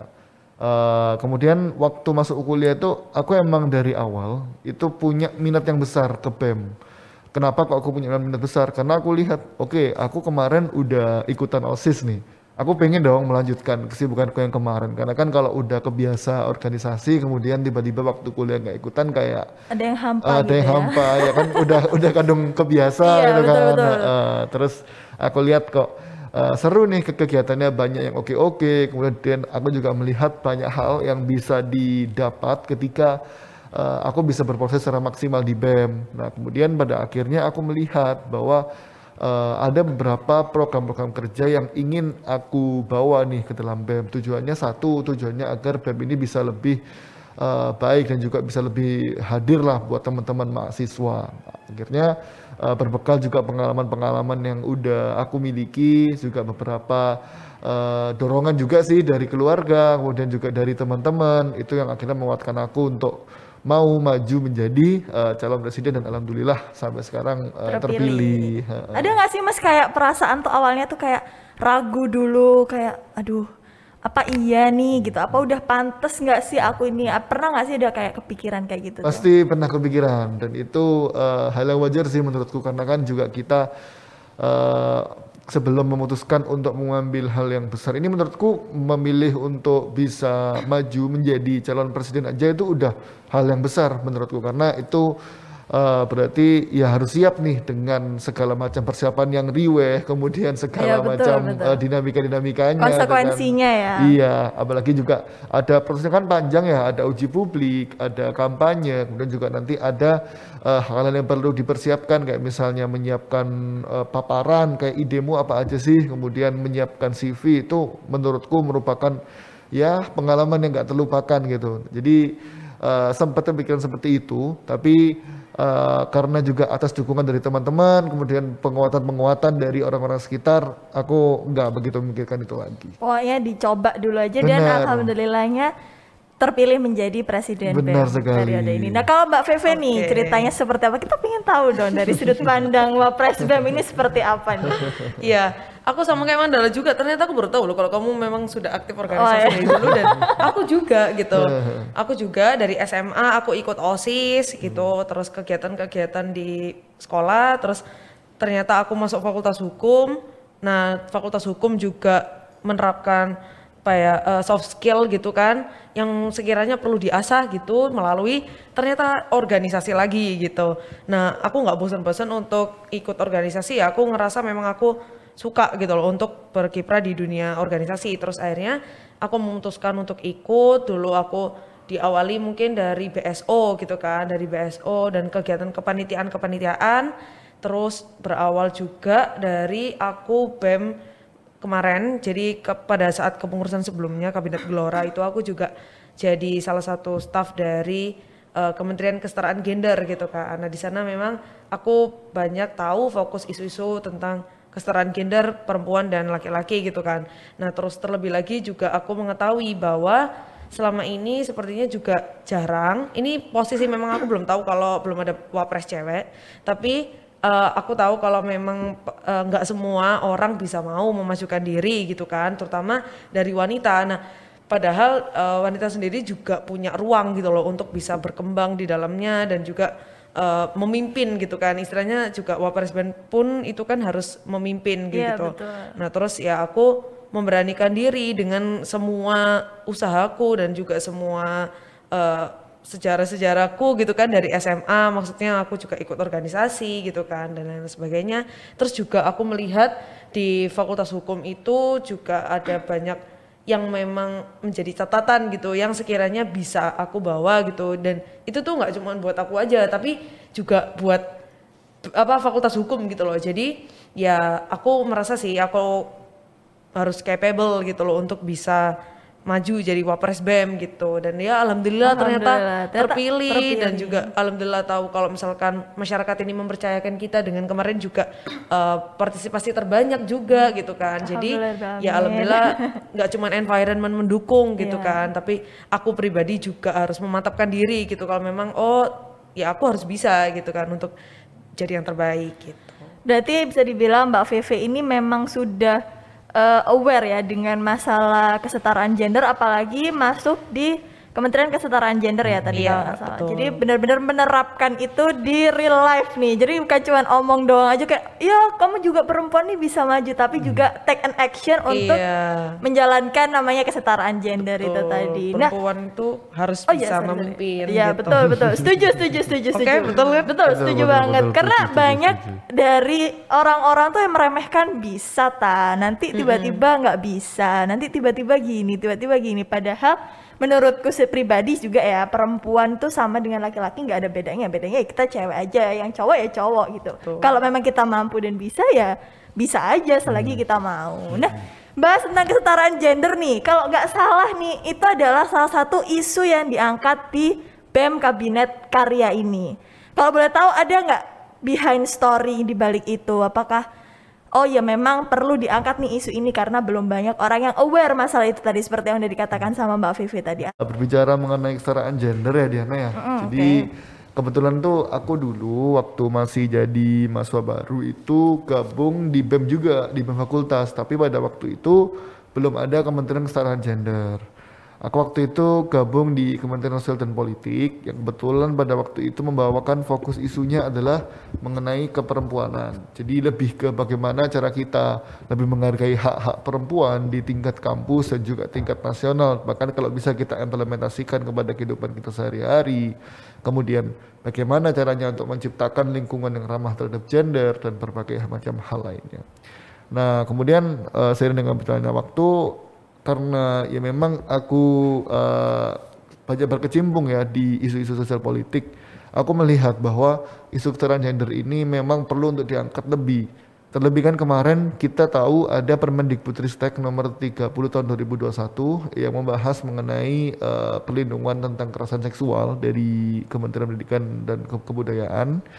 Eh, aku dan Vivi melihat bahwa ya kita sebagai calon presiden wapres BEM FH di mana ini FH hukum itu harusnya bisa nih untuk membawakan kesetaraan gender ke dalam fokus isu kita.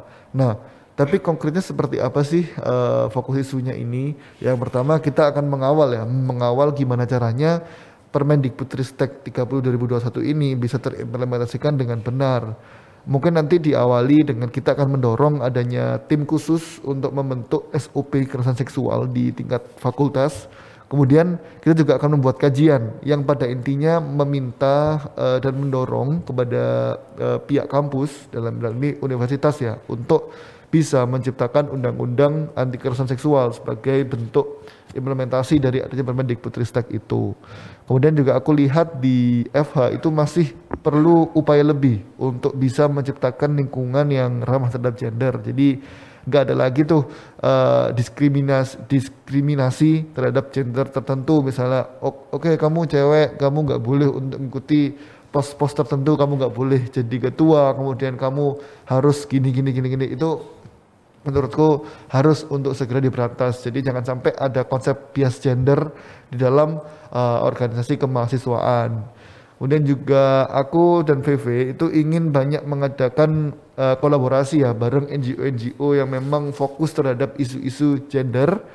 Uh, mungkin juga kami akan banyak berkomunikasi dengan Komnas Perempuan dan juga dengan uh, LBH Apik yang memang kita tahu bahwa itu fokusnya terhadap gender untuk membuat pelatihan, kemudian untuk membuat eh, webinar, untuk memberikan edukasi yang proper kepada teman-teman Eva agar nantinya bisa lebih menghargai adanya kesetaraan gender di eh, lingkungan hukum bahkan di tingkat eh, kampus seperti itu. Aku sih menurutku setuju banget karena di lingkungan kampus sendiri kita tuh kayak sering ngerasa nggak aman dan nge- sering ngerasa kayak apa sih? Kenapa sih harus dibedain? Kenapa sih harus diadain kayak gini? Padahal kan kita semua sama. Maksudnya kita tidak ada kelebihan itu dimiliki oleh masing-masing orang bukan masing-masing gender. Jadi kalau masalah gender ya tergantung pribadinya masing-masing. Kalau memang kamu bisa bersaing secara sehat dan sama ya it's okay. As long as kita bisa menanggapi itu. Jadi menurutku juga kesetaraan gender di kampus ini ya masih sangat amat rendah dan bahkan sering eh, bahkan dari kita sendiri mahasiswanya itu merasa kayak ya ngapain sih kayak gitu juga dibahas itu kan nggak penting padahal bagi sebagian orang itu adalah masalah yang penting banget. Kalau menurut Mbak Vivi nih gimana sih kesetaraan gender yang ada di Eva Uner ini sendiri? Apakah menurut Mbak Vivi ini udah oke lah boleh tinggal ditingkatkan lagi atau masih bener-bener sangat em, rendah pengetahuannya terhadap kesetaraan gender?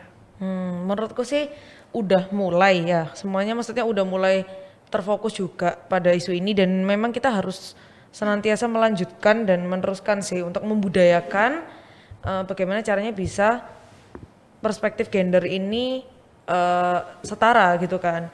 Dan juga mungkin ketika nanti kita membudayakan organisasi gitu ya. Misalnya kita memiliki budaya dalam suatu organisasi juga tentunya melihat bukan dari gender gitu kan, bukan melihat apakah itu laki-laki atau perempuan, tapi kapasitas gitu dari Kemampuan ya. kemampuan. Nah nanti pun dalam organisasi di BEM itu sendiri juga ya kita upayakan melihat dari bagaimana orang itu bisa berpendapat, bagaimana orang itu bisa berpikir gitu kan tanpa melihat gender. Jadi itu pun cara kita untuk melatih perspektif gender eh, yang sehat dan setara itu adalah dengan kita nanti membudayakan organisasi yang memang kita melihat dari capability gitu kan, bukan melihat gender. Bukan gitu. lihat cowok atau ceweknya tapi Betul. melihat apakah orang itu mampu menjalani tugas yang nanti akan diberikan. Iya betul. Setuju, setuju banget. Nah selain membahas tentang kesetaraan gender nih, apalagi sih kalau boleh tahu isu yang diangkat untuk fokus dari kabinet karya ini? Eh, berikutnya ada kesehatan mental dan kesejahteraan mahasiswa. Jadi ada tiga fokus isu. Jadi kesetaraan gender, yang kedua ada kesehatan mental, dan yang ketiga ada kesejahteraan mahasiswa. Kalau boleh tahu kenapa sih kok pingin mengangkat kesehatan mental? Maksudnya itu kan kayak kita nih bukan jurusan psikologi gitu. Kenapa Iya. kok pengen mengangkat? Apakah balik lagi ada behind story di balik itu atau eh, ya merasa perlu aja gitu? Iya oke, aku mau jawab dulu. Boleh, boleh, boleh. Kesehatan mental ini terutama dalam organisasi ya, kamu sering dengar eh, apa ya orang-orang ini terlalu banyak kegiatan sehingga mereka eh, kesehatan mentalnya terganggu gitu kan. Terutama kemarin pada saat pandemi juga pasti banyak perubahan psikologis gitu kan yang terjadi dan juga seiring berjalannya waktu juga ketika mengikuti kegiatan ya istilahnya penat dan mungkin memang itu adalah eh, imbas dari eh, belum terlalu memperhatikan kesehatan mental. Jadi kita tuh pengen adanya work life balance yang sering kita kali ucapkan kalau memang ada orang yang bertanya terkait kenapa kok harus kesehatan mental gitu kan.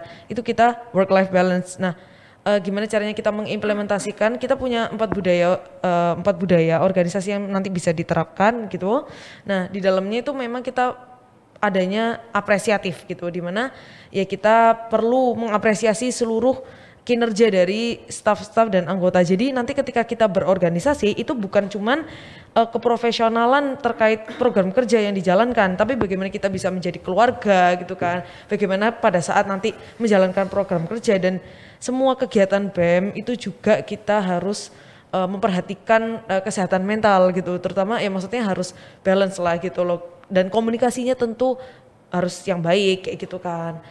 Ya mungkin dari aku itu dulu sih man. Oke. Eh, sejalan dengan yang disampaikan sama VV tadi ya. Memang eh, kami melihat bahwa isu kesehatan mental ini urgent untuk dibawa oleh Ormawa di tingkat kami, tingkat-tingkat fakultas PMF UNER. Eh, karena di periode-periode se- sebelumnya itu eh, kami belum belum melihat ada- adanya concern terhadap isu itu dan kami sebisa mungkin itu ingin eh, mewujudkan ormawa yang memang sehat eh, secara kerja dan juga sehat secara mental. Jadi ada konsep work life balance itu yang memang benar-benar ingin kami terapkan. Jadi jangan sampai nanti teman-teman di BEM ini nanti merasa terbebani, kemudian merasa stres, terus depresi gitu kan. Uh, itu untuk hal yang mendasarnya seperti itu. Nah, kemudian yang kedua, itu kemarin kami pada saat kampanye itu menjanjikan uh, salah satu ya inovasi baru di bidang kesehatan mental yang memang ya kami tahu ini cukup besar untuk bisa direalisasikan, tapi setidaknya ini akan bisa menjadi uh, milestone pertama untuk bisa diteruskan di kepengurusan berikutnya apabila memang nantinya bisa terwujud, yaitu kami ingin membuat aplikasi yang namanya uh, Eva Unair Sema, Sema Eva Unair SEMA itu uh, merupakan kependekan, eh, singkatan kok kependekan, singkatan, singkatan dari uh, Sehat Mental Eva Unar. Sehat Mental Eva Unar. Ya, jadi nanti uh, platform ini itu uh, kami adopsi dari berbagai macam pemikiran yang ada di ormawa-ormawa. Kami kemarin sebelum membuat uh, konsep grand design itu kebetulan juga sempat berdiskusi nih dengan beberapa presiden-presiden BEM di fakultas-fakultas lain. Kemudian kami juga banyak mendengar, banyak melihat dari uh, BEM-BEM di luar UNER bahkan itu kayak gimana sih uh, implementasi isu kesehatan mental ini bisa dibawakan di Ormawa.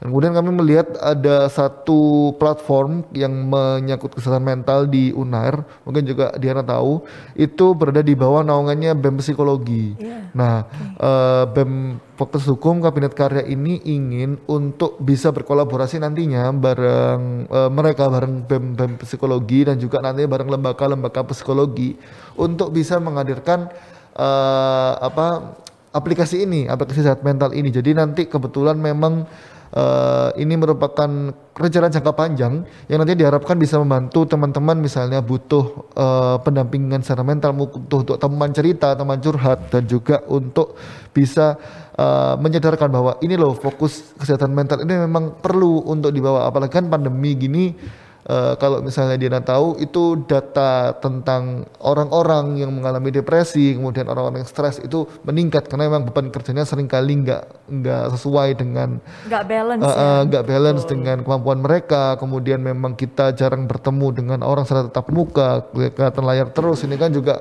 banyak pengaruh aspek psikologis. Jadi itu sih yang memang ingin kami bawakan. Jadi semacam SEMA itu bukan hanya tempat untuk curhat aja tapi bisa dibilang safe place juga ya, Benar, ya place. untuk orang-orang karena mungkin kan kita kan juga bingung kan kayak aduh mau curhat ini tuh curhat ke siapa berarti bisa untuk nanti kalau misalnya udah launching amin semoga segera launching karena amin. kayaknya amin. itu sangat dibutuhkan ya sangat ya, relatable lah dengan ya. keadaan mahasiswa mahasiswa ini bukan hanya di fakultas hukum aja tapi kayaknya di semua mahasiswa pasti mengalami namanya stres hmm. terus mengalami namanya nggak punya tempat untuk cerita. Itu yeah. adalah suatu hal yang menurut aku kayak orang tuh kurang sadar kayak ya elah cerita aja gitu. Ya udah cerita aja sama orang. Tapi kadang kan orang yang diceritain ini belum tentu tempat yang aman buat dia. Jadi mungkin dia kayak ngerasa worry atau khawatir. Jadi semoga SEMA ini bisa menjadi jawaban atas teman-teman yang kayak bingung nih mau curhat ke mana bingung nih aku harus ngapain bisa ke SEMA. Nah rencananya nih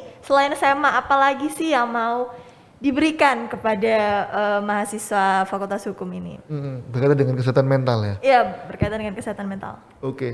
uh, eh, nantinya ini kami juga akan banyak ya banyak uh, menyelenggarakan webinar dan juga workshop-workshop uh, yang memang nanti berkaitan dengan gimana sih nge-manage uh, kita dalam apa sebagai manusia untuk lebih menghargai kesehatan mental kita. Nantinya pro program ini akan di bawah naungan uh, Kementerian Pemuda dan Olahraga, tetapi lebih spesifiknya itu di kepemudaannya karena uh, nanti untuk aspek kesehatan mental ini akan banyak kita elaborasikan dengan hal-hal yang berkaitan dengan semangat-semangat uh, kepemudaan kayak misalnya nanti dikaitkan dengan uh, misalnya overwhelm uh, proker-proker yang terlalu banyak, kemudian burn apa burn out, burn kemudian out. Uh, kemudian juga uh, bagaimana caranya kita untuk bisa tetap uh, oke okay, walaupun kita lagi ya mungkin lagi nggak proper, lagi lagi nggak enggak apa nggak oke okay lah buat memimpin rapat tapi karena karena kita harus harus profesional itu nanti gimana caranya nah itu nanti bakal banyak kita ulas di Kementerian Pemuda dan Olahraga ini karena uh, inginnya adalah organisasi yang sehat ya. Benar. Bukan cuma organisasi yang pusing aja nih, proker proker proker proker proker Iya, tapi nggak ada jawaban dari pusingnya sendiri. Kalau Mbak Fevi sendiri pernah nggak sih kayak mengalami burnout gitu terus harus ngapain sih kalau Mbak Fevi sendiri nih kalau burnout tuh ngapain? sih Pernah, biasanya? iya pasti. Pasti pernah ya? Pasti pernah, pasti pernah. Terutama kalau misalkan kebanyakan proker gitu Iya. kan, ini di mana pasti ada lah yang tabrakan dan lain-lain Iya. gitu kan. Nah ya burnout itu suatu yang wajar sih, pasti semua orang mengalami dan caranya orang untuk masing-masing mengatasi burnout itu memang berbeda-beda gitu kan.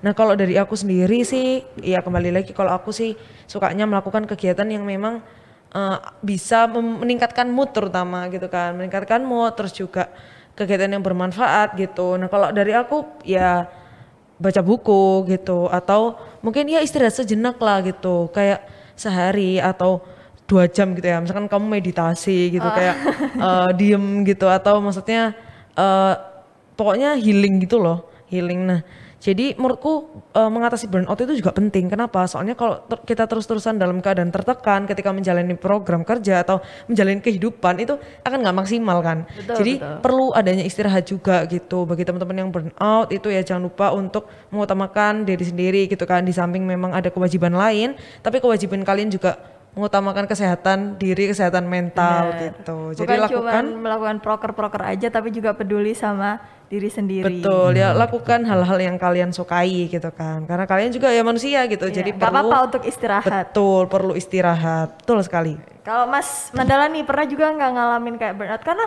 kalau dilihat-lihat dari Instagramnya Mas Mandala nih storynya tiap hari ya.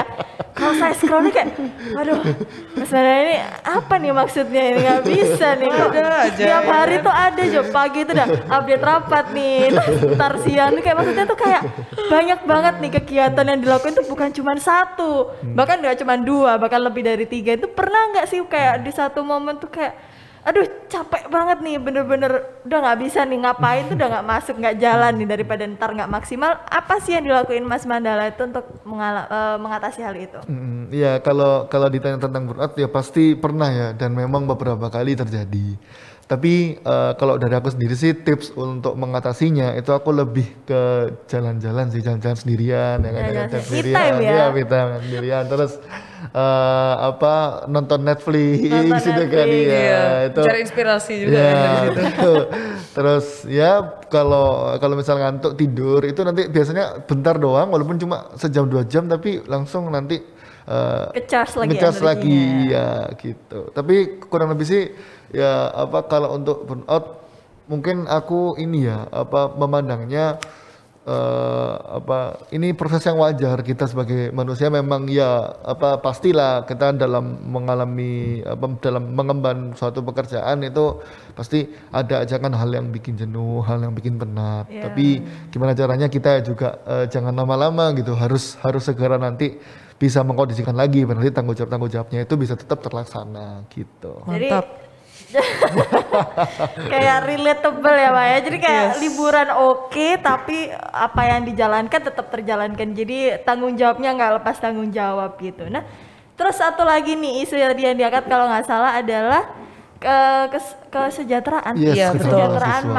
mahasiswa. Itu Ah. kalau boleh tahu gimana sih implementasinya itu atau Oke, penerapannya? ini? ini sebenarnya fokus isu yang sebenarnya mendasar, tapi nggak banyak teman-teman yang eh, concern gitu.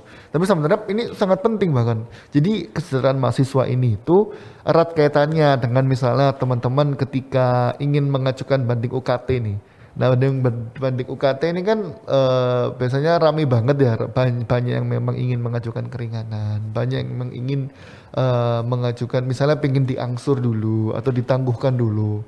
Nah, kami dari BEM Kabinet Karya itu pingin untuk bisa membantu teman-teman, membantu untuk mengadvokasikan dalam arti nanti kan kita punya Kementerian Internal Kampus. Nanti dari Kementerian Internal Kampus ini itu akan em, semaksimal mungkin untuk mengawal gimana caranya teman-teman yang mengajukan banding ini itu bisa terfasilitasi oleh pihak fakultas maupun pihak rektorat sebagai pengambil kebijakan tertinggi. Kemudian kayak misalnya teman-teman di sini ada yang ikut lomba gitu kan, ada yang ikut lomba misalnya mood, lomba mood court lah, national mood court. Kemudian dia butuh untuk diasistensi perihal dengan peminjaman ruangan eh, yang itu mungkin mereka merasa kesulitan untuk membagi waktunya antara eh, hari mereka latihan ataupun nanti mereka merasa kesulitan untuk berkomunikasi. Nah itu kami dari BEM Kabinet Karya itu akan membantu untuk itu. Jadi kami ingin memang meng- menghadirkan BEM yang hadir untuk teman-teman yang kita bisa concern ke fokus isu yang bahkan mendasar, tapi eh, bisa benar-benar membantu. Jadi bisa sampai akar rumputnya itu bisa kena gitu. Nah kemudian eh, berikutnya bisa kayak misalnya teman-teman ingin pinjam Zoom nih, pinjam Zoom. Nah, itu kita bisa untuk mencoba mengadvokasikan hal itu karena kan kita eh, sebenarnya juga memang perlu ya hampir tiap hari kita perlu nge-zoom, Iya, kita betul. hampir hampir tiap hari perlu rapat. Nah, itu yang memang ingin kita bawakan sebagai fokus isu. Jadi hal yang mendasar berbeda dengan eh, kesetaraan gender dan kesetaraan mental yang itu meru- merupakan isu universal. Tapi isu kesehatan mahasiswa ini sebenarnya nggak kalah penting. Jadi makanya kemarin waktu eh, kampanye itu kami benar- benar-benar menekankan ke tiga fokus isu ini. Jadi biar nanti teman-teman yang merasa oh ini loh aku punya BEM jadi jangan sampai BEM ini tuh eh, nggak ada esensinya bagi teman-teman kami ingin eh, hadir untuk teman-teman jangan sampai nanti eh, teman-teman merasa nggak punya BEM gitu Nah, pertanyaannya bagaimana caranya Iya, gitu kan? bagaimana nah, kita melakukan pendataan secara rutin. Kita juga ada program kerja namanya gudang aspirasi gitu. Jadi ya memang kan perlu adanya check and balance ya antara mahasiswa dan juga BEM FH UNER gitu kan apalagi kita sebagai penjembatan antara dekanat dan mahasiswa.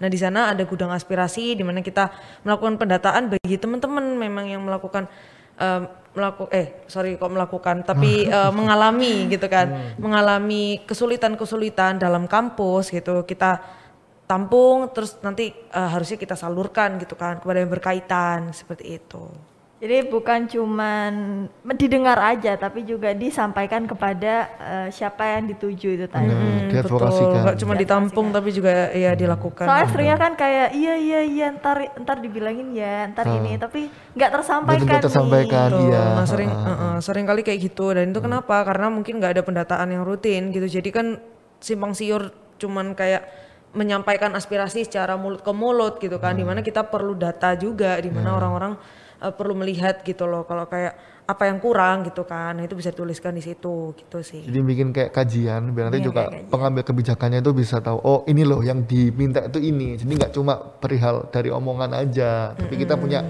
datanya. Ini loh Pak Bu, eh, kami ada teman-teman yang memang punya kendala di apa di aspek ini ini ini ini ini. Itu yang mereka inginkan itu seperti ini. Apakah memang mungkin? Kalau emang nggak mungkin, kira-kira apa yang bisa kita kita ajukan sebagai jalan tengah? Itu kita bisa berkomunikasi bersama gitu. Terus gimana nih kalau mau taunya kayak aku kemarin tuh udah mengajukan aspirasi ini ke BEM, tapi gimana sih taunya udah ditindaklanjuti atau belum atau mungkin kayak oh ini masih dalam proses nih gimana sih cara taunya nih biar teman-teman juga kayak jelas gitu. Hmm, iya. Jadi kalau untuk itu, itu eh, nanti kan kalau mungkin kita berbicara mengenai UKT ya. Kita bicara mengenai UKT itu kan nanti eh, ba- erat kaitannya dengan Kementerian Internal kampus. Nah, nanti teman-teman silahkan untuk bisa langsung eh, apa berkoordinasi dengan Menteri Income dan nanti juga Menteri Income pasti akan membuatkan grup untuk khusus teman-teman yang mengajukan keringanan di mana itu nanti akan dijadikan sebagai pusat informasi. Jadi segala informasi yang memang didapatkan dari Menteri Income baik itu dari aku, dari VV maupun dari fakultas atau dari rektorat mungkin itu akan disalurkan di sana. Atau mungkin teman-teman ingin langsung ngobrol sama aku dan VV silakan. Jadi kami memang eh, sangat terbuka untuk itu, tapi untuk pusat koordinasinya itu ada di Menteri Income selaku memang eh, pendelegasian tugasnya untuk aspek Bandung UKT dan lain-lain itu memang ke Menteri Income Menteri gitu. Income, Oke. Terus setelah itu, setelah kita bahas tentang itu semua, ada nggak sih rencana dekat ini BEM itu mau ngapain nih? Kasih dong sneak peek dikit aja. Rencana nih dalam waktu dekat apa yang mau di launch atau apa gitu boleh dong. Oke, dalam wak- waktu dekat kita mempersiapkan oprek, dirjen dan staff gitu. Oprek, Jadi dirjen, dan ya staff. ditunggu juga untuk teman-teman untuk gabung gitu kan dalam kabinet karya itu sih proyek terbesarnya gitu. Gimana nih kalau mau lihat informasinya nih bisa dilihat di mana tentang oprek dirjen dan staf ini? Nah, nanti akan diinformasikan melalui Instagram BEM gitu. Jadi tunggu. Dan jangan lupa follow Instagram BEM Eva Uner di Iya. @bemevauner. Ini nanti biar kayak misalnya ada info-info eh, Mas, aku kok nggak pernah dapat ini ya, dapat info beasiswa, nggak pernah dapat info magang, nggak pernah dapat info-info berkaitan dengan mahasiswa.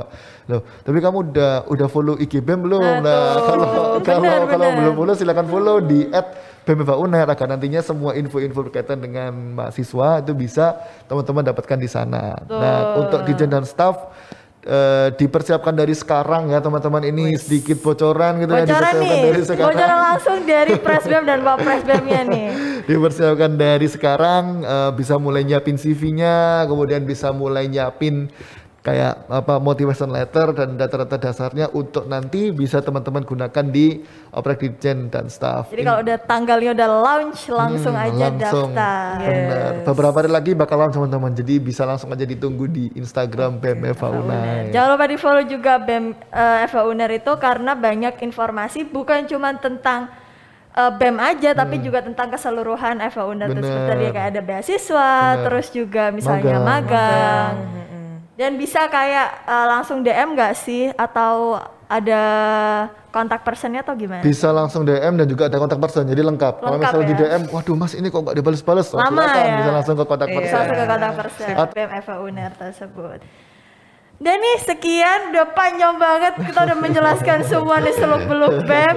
Kita doanya adalah supaya BEM Kabinet Karya ini bisa memberikan perubahan juga untuk Amin, Eva ya yang lebih bagus ya, lebih positif pastinya Amin, dan amin. juga bisa menjadi teman untuk eh, mahasiswa-mahasiswa khususnya di Fakultas Hukum Universitas Erlangga ini. Sekian dulu podcast kita hari ini kan dan dikeluarkan oleh BEM. Cukup sekian teman-teman Get to Know with Diana hari ini. Jangan lupa untuk dengerin episode-episode lainnya dari Know with Diana. Bye bye teman-teman semua.